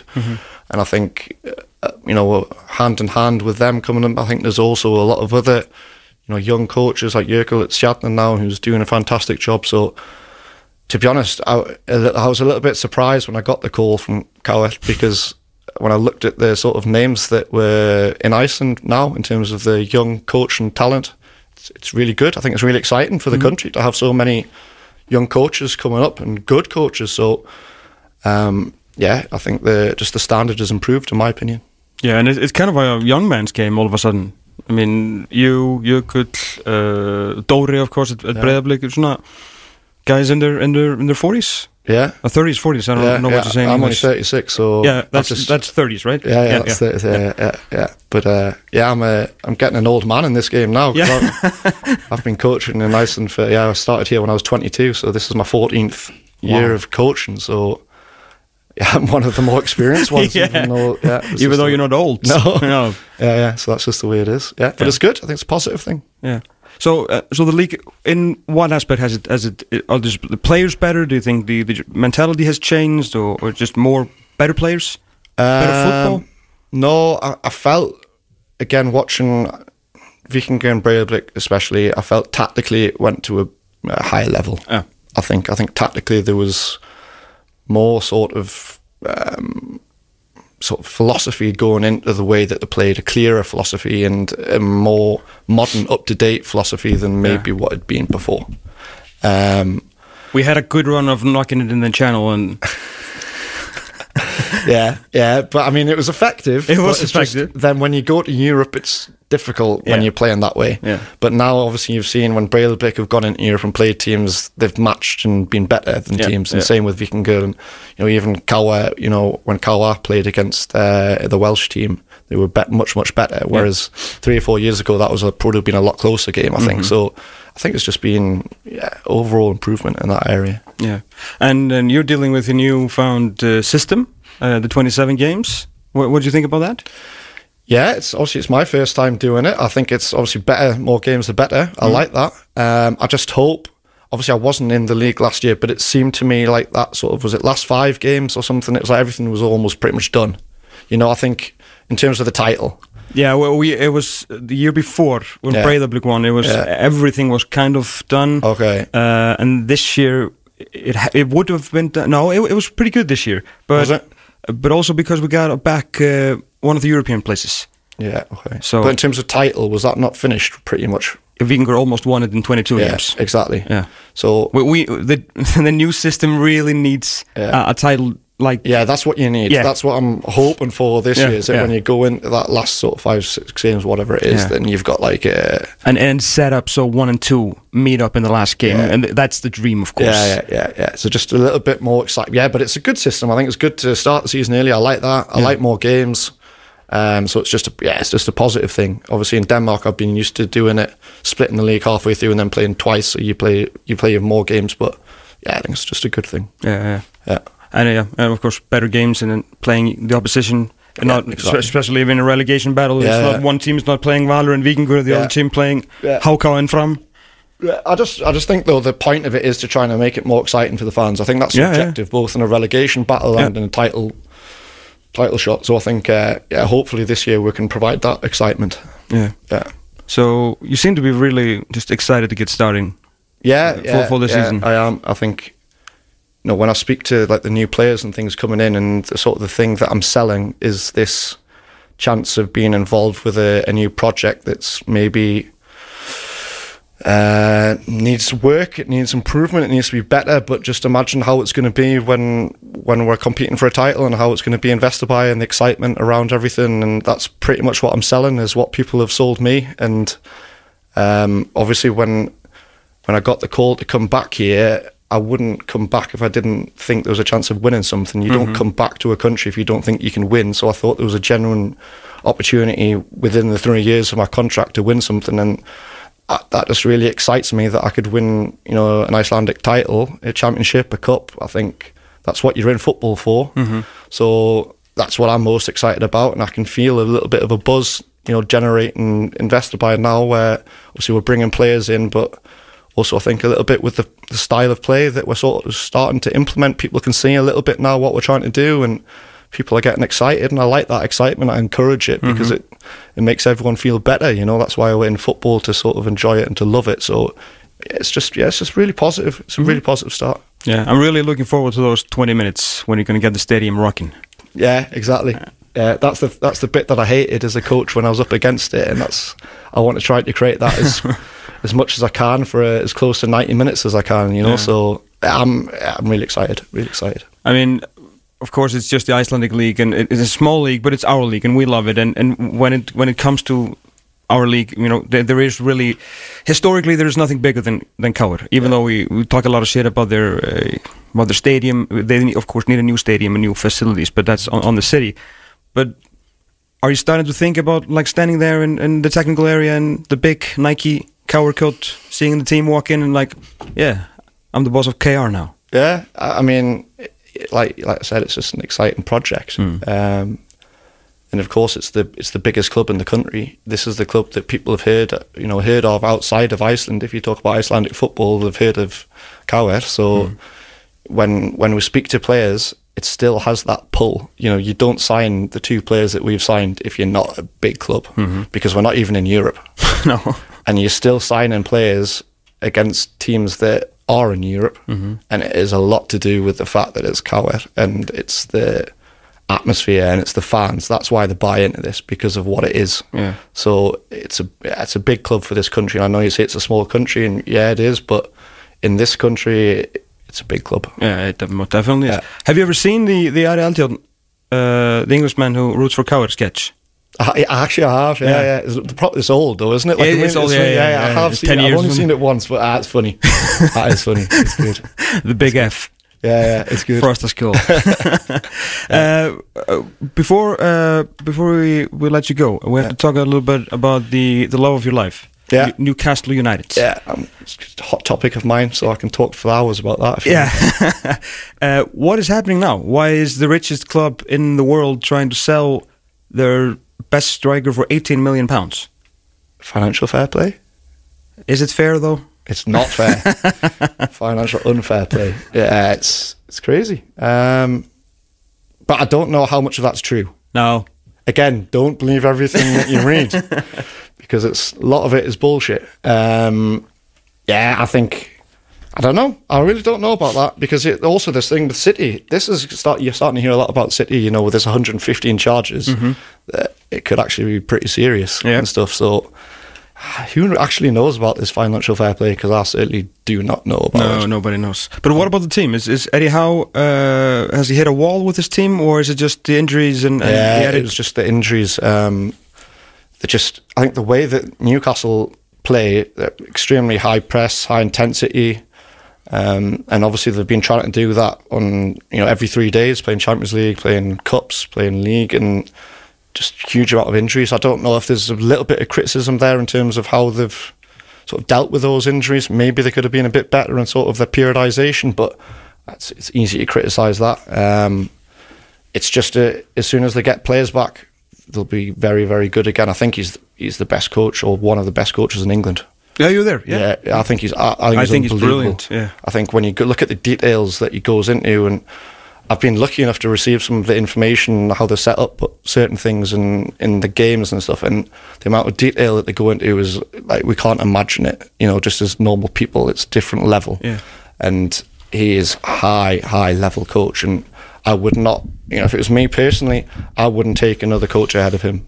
At mm. all, no. You know, people saying, "Oh, what about Mourinho?" No chance. I would go Eddie Howe every time. So he's top level. Yeah. Have you have you listened to the his interview in, in the High Performance podcast? Yeah, I did. Yeah, Yeah. it's a really good podcast. That one. Is it? Yeah, yeah. Humphreys is, but but he gets good guests. Yeah, and, yeah. and, and I like him. He's yeah. always nice to Newcastle, so I like him. So Okay. he's- he's- yeah, I'm a, I'm a fan of his. But Yeah. like, because before you listen to that, and I've, just talked about me. I, I knew, of course, he was a good coach. You don't do the things you've done with Bournemouth and now with Newcastle unless you're a good coach. But talking about the details, like the room they go into before they go into the dressing room, trying to get everybody those little details. so the so the the team talk in in his opinion, of course. So the team talk in ha- at halftime matters. Yeah. So no, they just finish off being angry, mad, happy, whatever. Just leave the emotions in one room and then come in and listen. yeah, yeah. Psychologically, like Yeah. there's so many layers to Yeah, what he yeah. does. It's crazy. Yeah. Um, it's also the way that he sort of invigorated the city. You know, everyone's got his back in Newcastle. Everyone loves him in Newcastle, Mm-hmm. Okay, and it's good. it's very hard to achieve that in Newcastle. Yeah. but he's achieved that, and he's got the fans on the side. He's got all the players on the side, and there's like a really special atmosphere at St James's Park. It's the of course, I'm biased, but when you go there, there is nowhere like that in terms of when it's rocking. You know, it is really rocking. So, yeah, it's a lot of it is down to him. So he's been he's been incredible. I just hope he doesn't uh, hope he doesn't get fired. Uh, who's your Who's your favorite player now in, in Newcastle? yeah, I got asked this a couple months ago. I said I said Anthony Gordon. Yeah, of course, yeah, yeah. I said Anthony Gordon, and I do really like Anthony Gordon. I think Bruno's different level. He's So good. He is so good. He's probably one of the best midfielders I've seen. But I've got I've got a lot of time for Kieran Trippier. Yeah. Like Kieran Trippier came to Newcastle when they were bottom of the league. It's actually a little bit, you know, you, you hear stories now about with Coward, where mean, or they're signing Alan and signing Alex, and people are saying, okay, they're coming because Coward are paying unbelievable wages or salaries. I've, you know, I've heard people say that to me, mm-hmm. and of course, the money's always got to be decent, otherwise players aren't going to come. But like when Kieran Trippier came to Newcastle, they were bottom of the league. Mm-hmm. He left Atletico Madrid, okay, and people were like, okay, Kieran Trippier's coming to Newcastle for the money. If you look at his salary compared to other Premier League clubs, not that high. No. He was coming back because he believed in a project and he wanted to be closer to home and his family. That was the that was the reason why he came back. And And he's played like it. and he's played unbelievably well. Mm-hmm. Like he's he's been Newcastle's probably best player over the you know the year and a half, two years period he's been there. Yep. And I, I believe there's a lot of parallels with that with the players that we've signed. You know, people saying, "Oh, they're coming back for money." No, they're coming back because they believe in a project and because it's a big football club and they want to they want to bet themselves and do well In the same colours. in exactly the same colours. So, you know, I think, like I said, you can't believe everything that you hear because everyone's, oh, Trippier's going back for the money. That wasn't, it's not true. Talking about the coaches in the Premier League, are there any? Do you watch any uh, any teams more than others because of the coaching? Um, no, it's more like uh, sort of certain aspects of play. You know, like I was mesmerised by De Zerbi at Brighton Yeah. with that sort of box play out system that he did. Like that was just crazy. Like I kept just watch that and repeat and trying to figure out what just the, thing, the way he was doing it. I thought that was so good. Yeah. Um, and I'm really interested. I, I, I'm really interested in the way teams press. Like, for example, Newcastle. Some of the information I've got for them is how they just set up an offensive goal kick, and I've used that with Cower. So we set up our goal kick same as Newcastle. Okay. And it's the only thing that I've not copied because you can't copy something exactly because there's so many. Yeah, like I say, they've got so many more details than what we've done, so it's the basics. Mm-hmm. But I really find it interesting looking at how the mechanics of a team presses. Mm-hmm.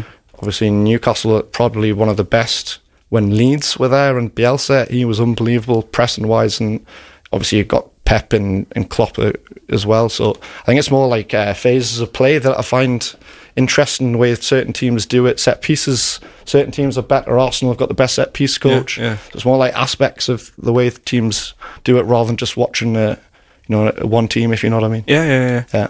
But uh, Ireola, have you followed Bournemouth? And, uh, Yeah, I've not seen as much. No, I haven't seen much of that. Oh. To be honest, I'm still just trying to figure out what happened there. No. I mean, he didn't, he couldn't buy a win, Yeah, and then he's all of a sudden like the best coach in the league. yeah. It's it's football, isn't it? Yeah, I was like, I was watching just last two nights ago. I was watching the documentary when Pep Guardiola took over Barcelona. Yeah. and I think he lost. Out of his first three games, you drew one and lost two, something like that. Yeah. And like you know, Barcelona, there were you know the white hang, you know, handkerchiefs were coming out, and all of get rid of him because he'd just been at Barcelona B team. Yeah. And obviously, then they went on and he probably created the greatest ever team to play.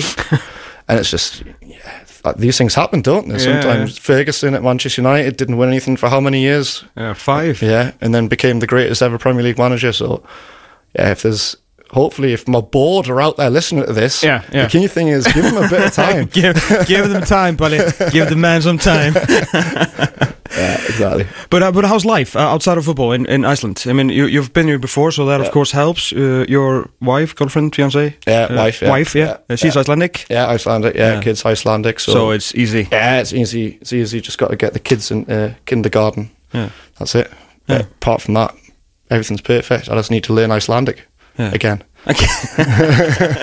No, that's to say that I knew it in the first place. I didn't know enough. Yeah. But yeah, everything's perfect. Every, really happy. Everything's really good. I I love being back here because I I really like the people here. Like, it's not that far away from England, you know, in that mm-hmm. respect, and the culture, and I just like the work ethic and mentality of people here, and I get along with a lot. I've got a lot of friends here, so it's yeah, I'm really happy to be back. Is Newcastle still home? I mean, is your family there? there? Yeah. yeah, Okay. yeah. I think it'll always be home. Yeah. yeah. yeah. I, I mean, they haven't. no, no, yeah, they're all there. My Yeah. dad, brother, got season tickets, and they Oh, go every okay. game, and Okay. yeah, yeah, yeah, die hard, Yeah. die hard Newcastle.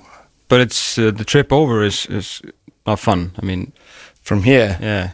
Yeah, it was the easy. When I was in Denmark, I went, I drove down for the Dortmund, Newcastle played Dortmund. Yeah. So I thought I was a lot closer than I was. I looked at it on the map and I said, like, that doesn't look far away. I'll drive that. It was like eight hour drive there and then eight hour back. But From Denmark to to, Germany. Dortmund, yeah. Yeah. yeah. But you were there. Yeah, I went for the Dortmund away game. Yeah, that was great. That was great. That's it was on my bucket list to go and watch Newcastle play away in the Champions League. Yeah. I don't know when I'll get the chance again, so I was like, I've got to go Of to one of these. Had you been to Westfalen before? To Westfalen to No. Dortmund? No. oh, it was my first time. That they was- know what they're doing. Yeah. they know how to do it. Yeah. Just even just little things like the you get a ticket which was seventeen pounds for a Champions League game, Unbelievable. nothing, and then you use that ticket and you can just travel anywhere in the city on any form of transport. Yeah. So you don't buy a ticket for the train; you just use the game ticket. It's like okay, they they know what they're doing here. Mm-hmm. Yeah. That's what that's what it's meant to be like for football fans, isn't it? Yeah, I'm, I'm a big Dortmund fan, uh, and it was always on my bucket list to see Dortmund Schalke. Yeah. and I went in 2019. Okay. I mean, I still to this date haven't gotten a better. Besides, of course, Iceland and the Euros and stuff. Yeah, but, but still, I was working there, so I didn't maybe have the full experience. But Westfalen for for the Ruhr Derby. I mean, I think I will never experience anything football wise. Did like you get into the wall? No, you- no, no. I, I we kind of wanted not. I kind of more wanted to see it. yeah, yeah, just be on the opposite. Yeah, Yeah, it's the yeah. side, isn't Yeah, it? it's the just side, Like, it just just- doesn't stop. Oh, that was that was. We lost like four one, and, and uh, Really? yeah, and Akanji got a red card and stuff. But uh, Yeah, but it's a fantastic experience. So Yeah, I was it's- glad that I went and experienced that. That's what it's all about. yeah, Yeah. Greg, I think we're not going to keep you for much longer. Thanks so much for coming. Yeah, thanks for having me. It's nice to be back and good Yeah. to see you guys again. Yeah, I think uh, as as the sun you know rises and tournament starts, we're going to hear from you a lot more. Yeah. But thanks so much for coming. Yeah, yeah, again. my pleasure. Thanks for being here. Herru, höldum áfram eftir augnablik ef við ekki að ræða eitthvað aðeins meira fótbolta.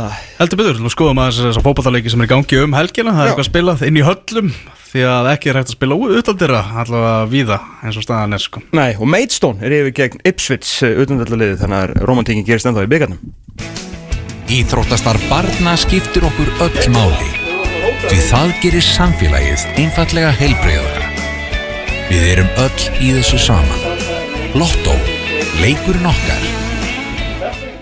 The Irishman Pub á Klappastíg er með happy hour alla daga frá 12 til 19. Komdu á Irishman Pub. Vá, hvað er að gerast hérna? Hver er þín Idol-stjarnar? Vertu með okkur í Idol á föstu dögum. Stöð 2 var allt skemmtilegri. Idol er í samstarfi við Netto, Nóa Kropp, Dominos og Pepsi Max. Viltu póka? Útsölunni líkur á morgun. IKEA Exit. Ný 977 Öðruvísi útvarp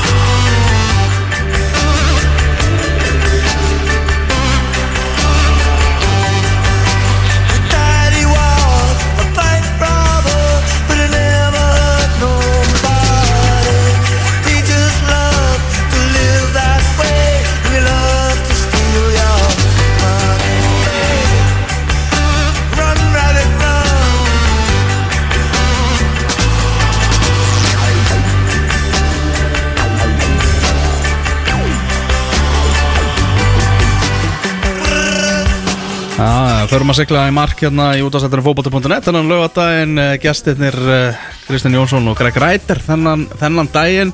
Greg Ræter nú að fara að uh, stýra káringum, er ekki á móti þrótti í dag? Jú, er að fara að mæta sínum gamlu félögum Gamla félagi í Já, Í þrótti.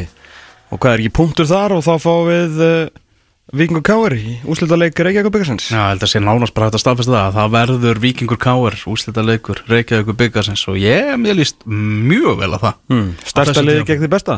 Já, ég held að já, ef ég ætti að velja úslita leik Reykjavík byggarsins þá held ég að ég hefði valið þetta. Það er alltaf eitthvað sér með því að Káir spilir til úslita Þeir heita líka Reykjavík sko. Já, líka núna,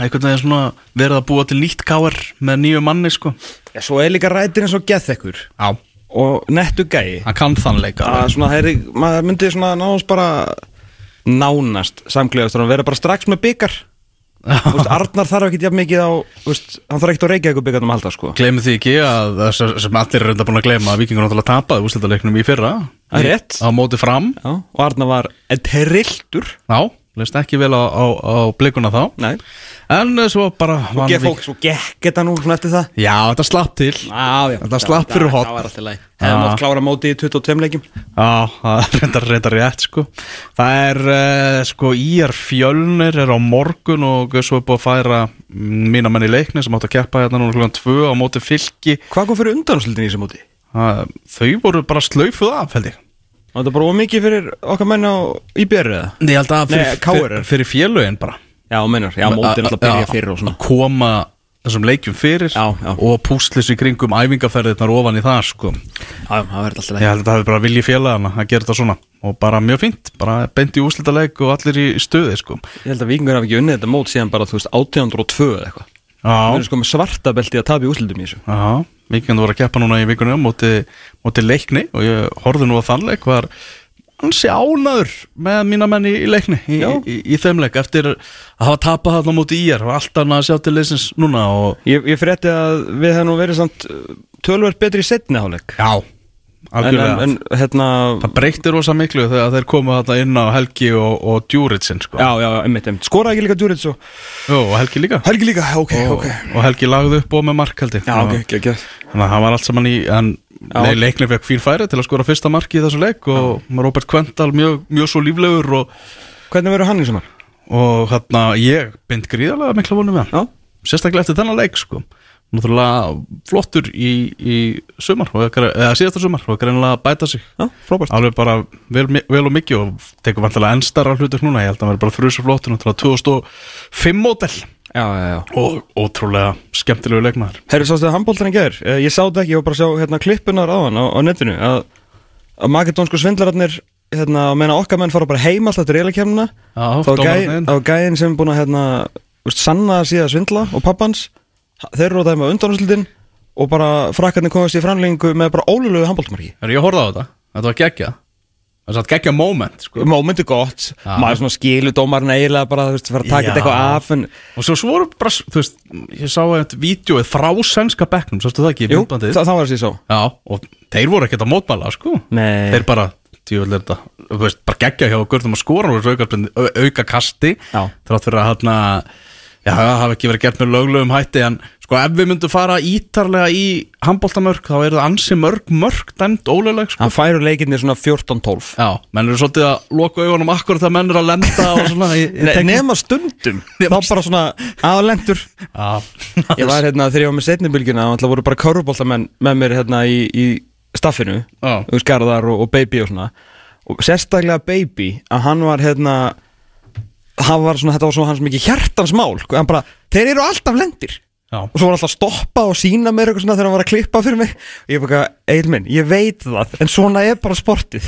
En okkur er dæmur að þarna og ekki þarna? Ég bara, veistu það, þetta eru bara þetta er eina stærstu spurningu lífsins eins og hverja DJ-an eru á bryggi og okkur kostar stikki svona mikið? Já, þetta eru bara stærstu spurningarnar. Það er bara þannig, já, reglum það Þetta er svolítið með frjálsri aðferð. Það ímsir formgallar sem eru hann í en, en býr til spennu, Já, já, mikið aksjón og Herri. alltaf eitthvað í gangi. Frakland, Danmörk það bara, þetta gæti ekki verið verra. Já, bara því ég vona eða leikurinn væri blásin af. Já, ég held bara með finnst- já, ég, já, ég, ég get ekki undir þessum dönum að vinna þetta sko. Næ Herru hann að, veitum við á Kristján Óli var hérna að setja Twitter Titilvörn F-áinga, góð, lifi góðu lifi í þung, þung, þungavikla byggarnum já, F á 3, afturlending 0 uh, Einna bara náttúrulega fyrir viku síðan það var HK að vinna F á já, og það er bara með uh, lífsins ólíkjendum að, að það hafi gæst með kemum bara gríðalega óvart svona með hvernig þetta hefur verið að ganga hjá þessum, þessum liðum.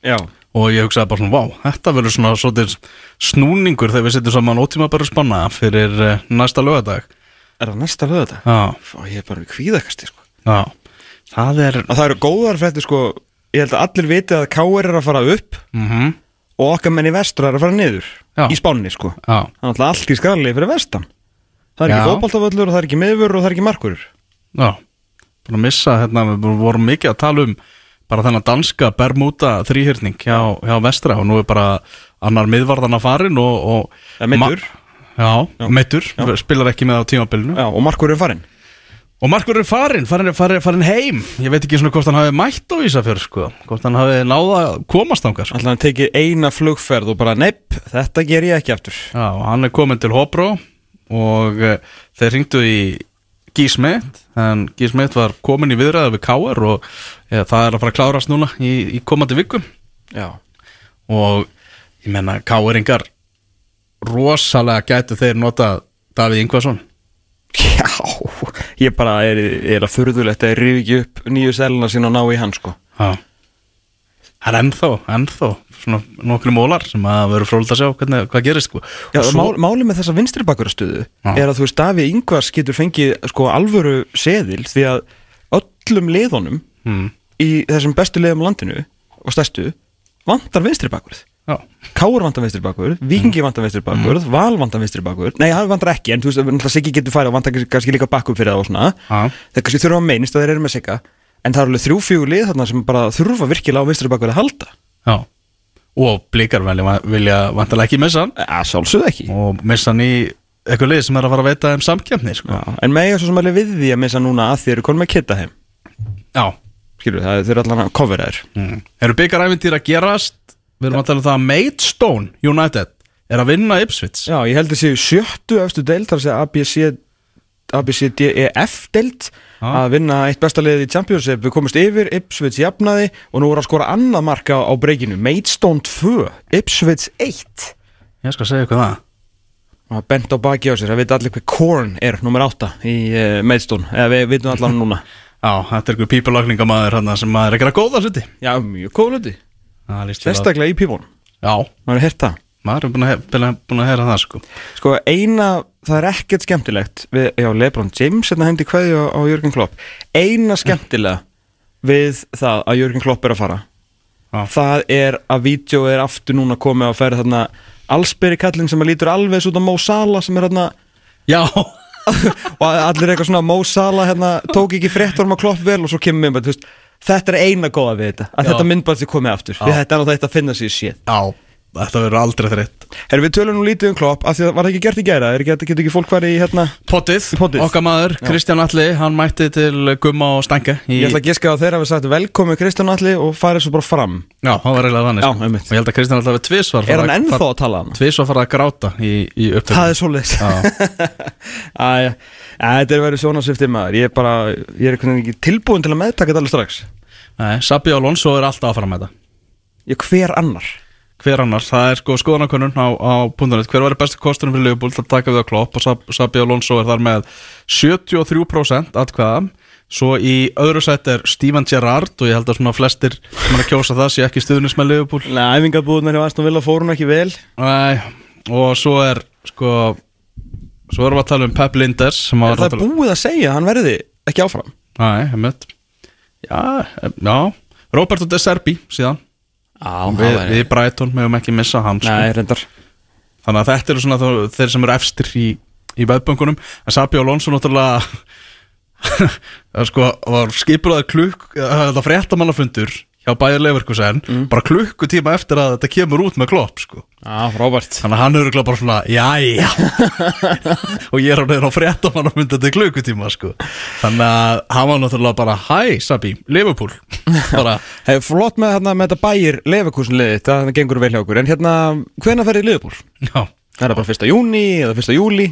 Hann vildi ekki útiloka neitt Nei, við veit ekki Nei. Hann er alltaf að vera að mæta hann Já, og það er bara helvítið spennandi sko. Ég vil er þetta að finna með maður Ég er bara, þetta er að finna sér síðan sko. Ég vil er hann, livið líka Herru það bara þannig að ég hef ekki fara að slúta þessu. Já við þurfum bara að komast í púp Já, er að, ég ætla að fara að horfa á hérna Badminton og svo ætla ég að fara á hérna Jammal í kvöld. Uh, Herru, Greg Rætur, Kristján Jónsson, gestir uh, þáttarins, gaman að fá þá. Mætir Sveinar þar á ferð og við rættum aðeins frettir vikunar þá kannski minna heldur en oft áður ótegum bara spáin eftir uh, viku þar að segja 6 dag og 22 tíma og við heyrim ykkur þá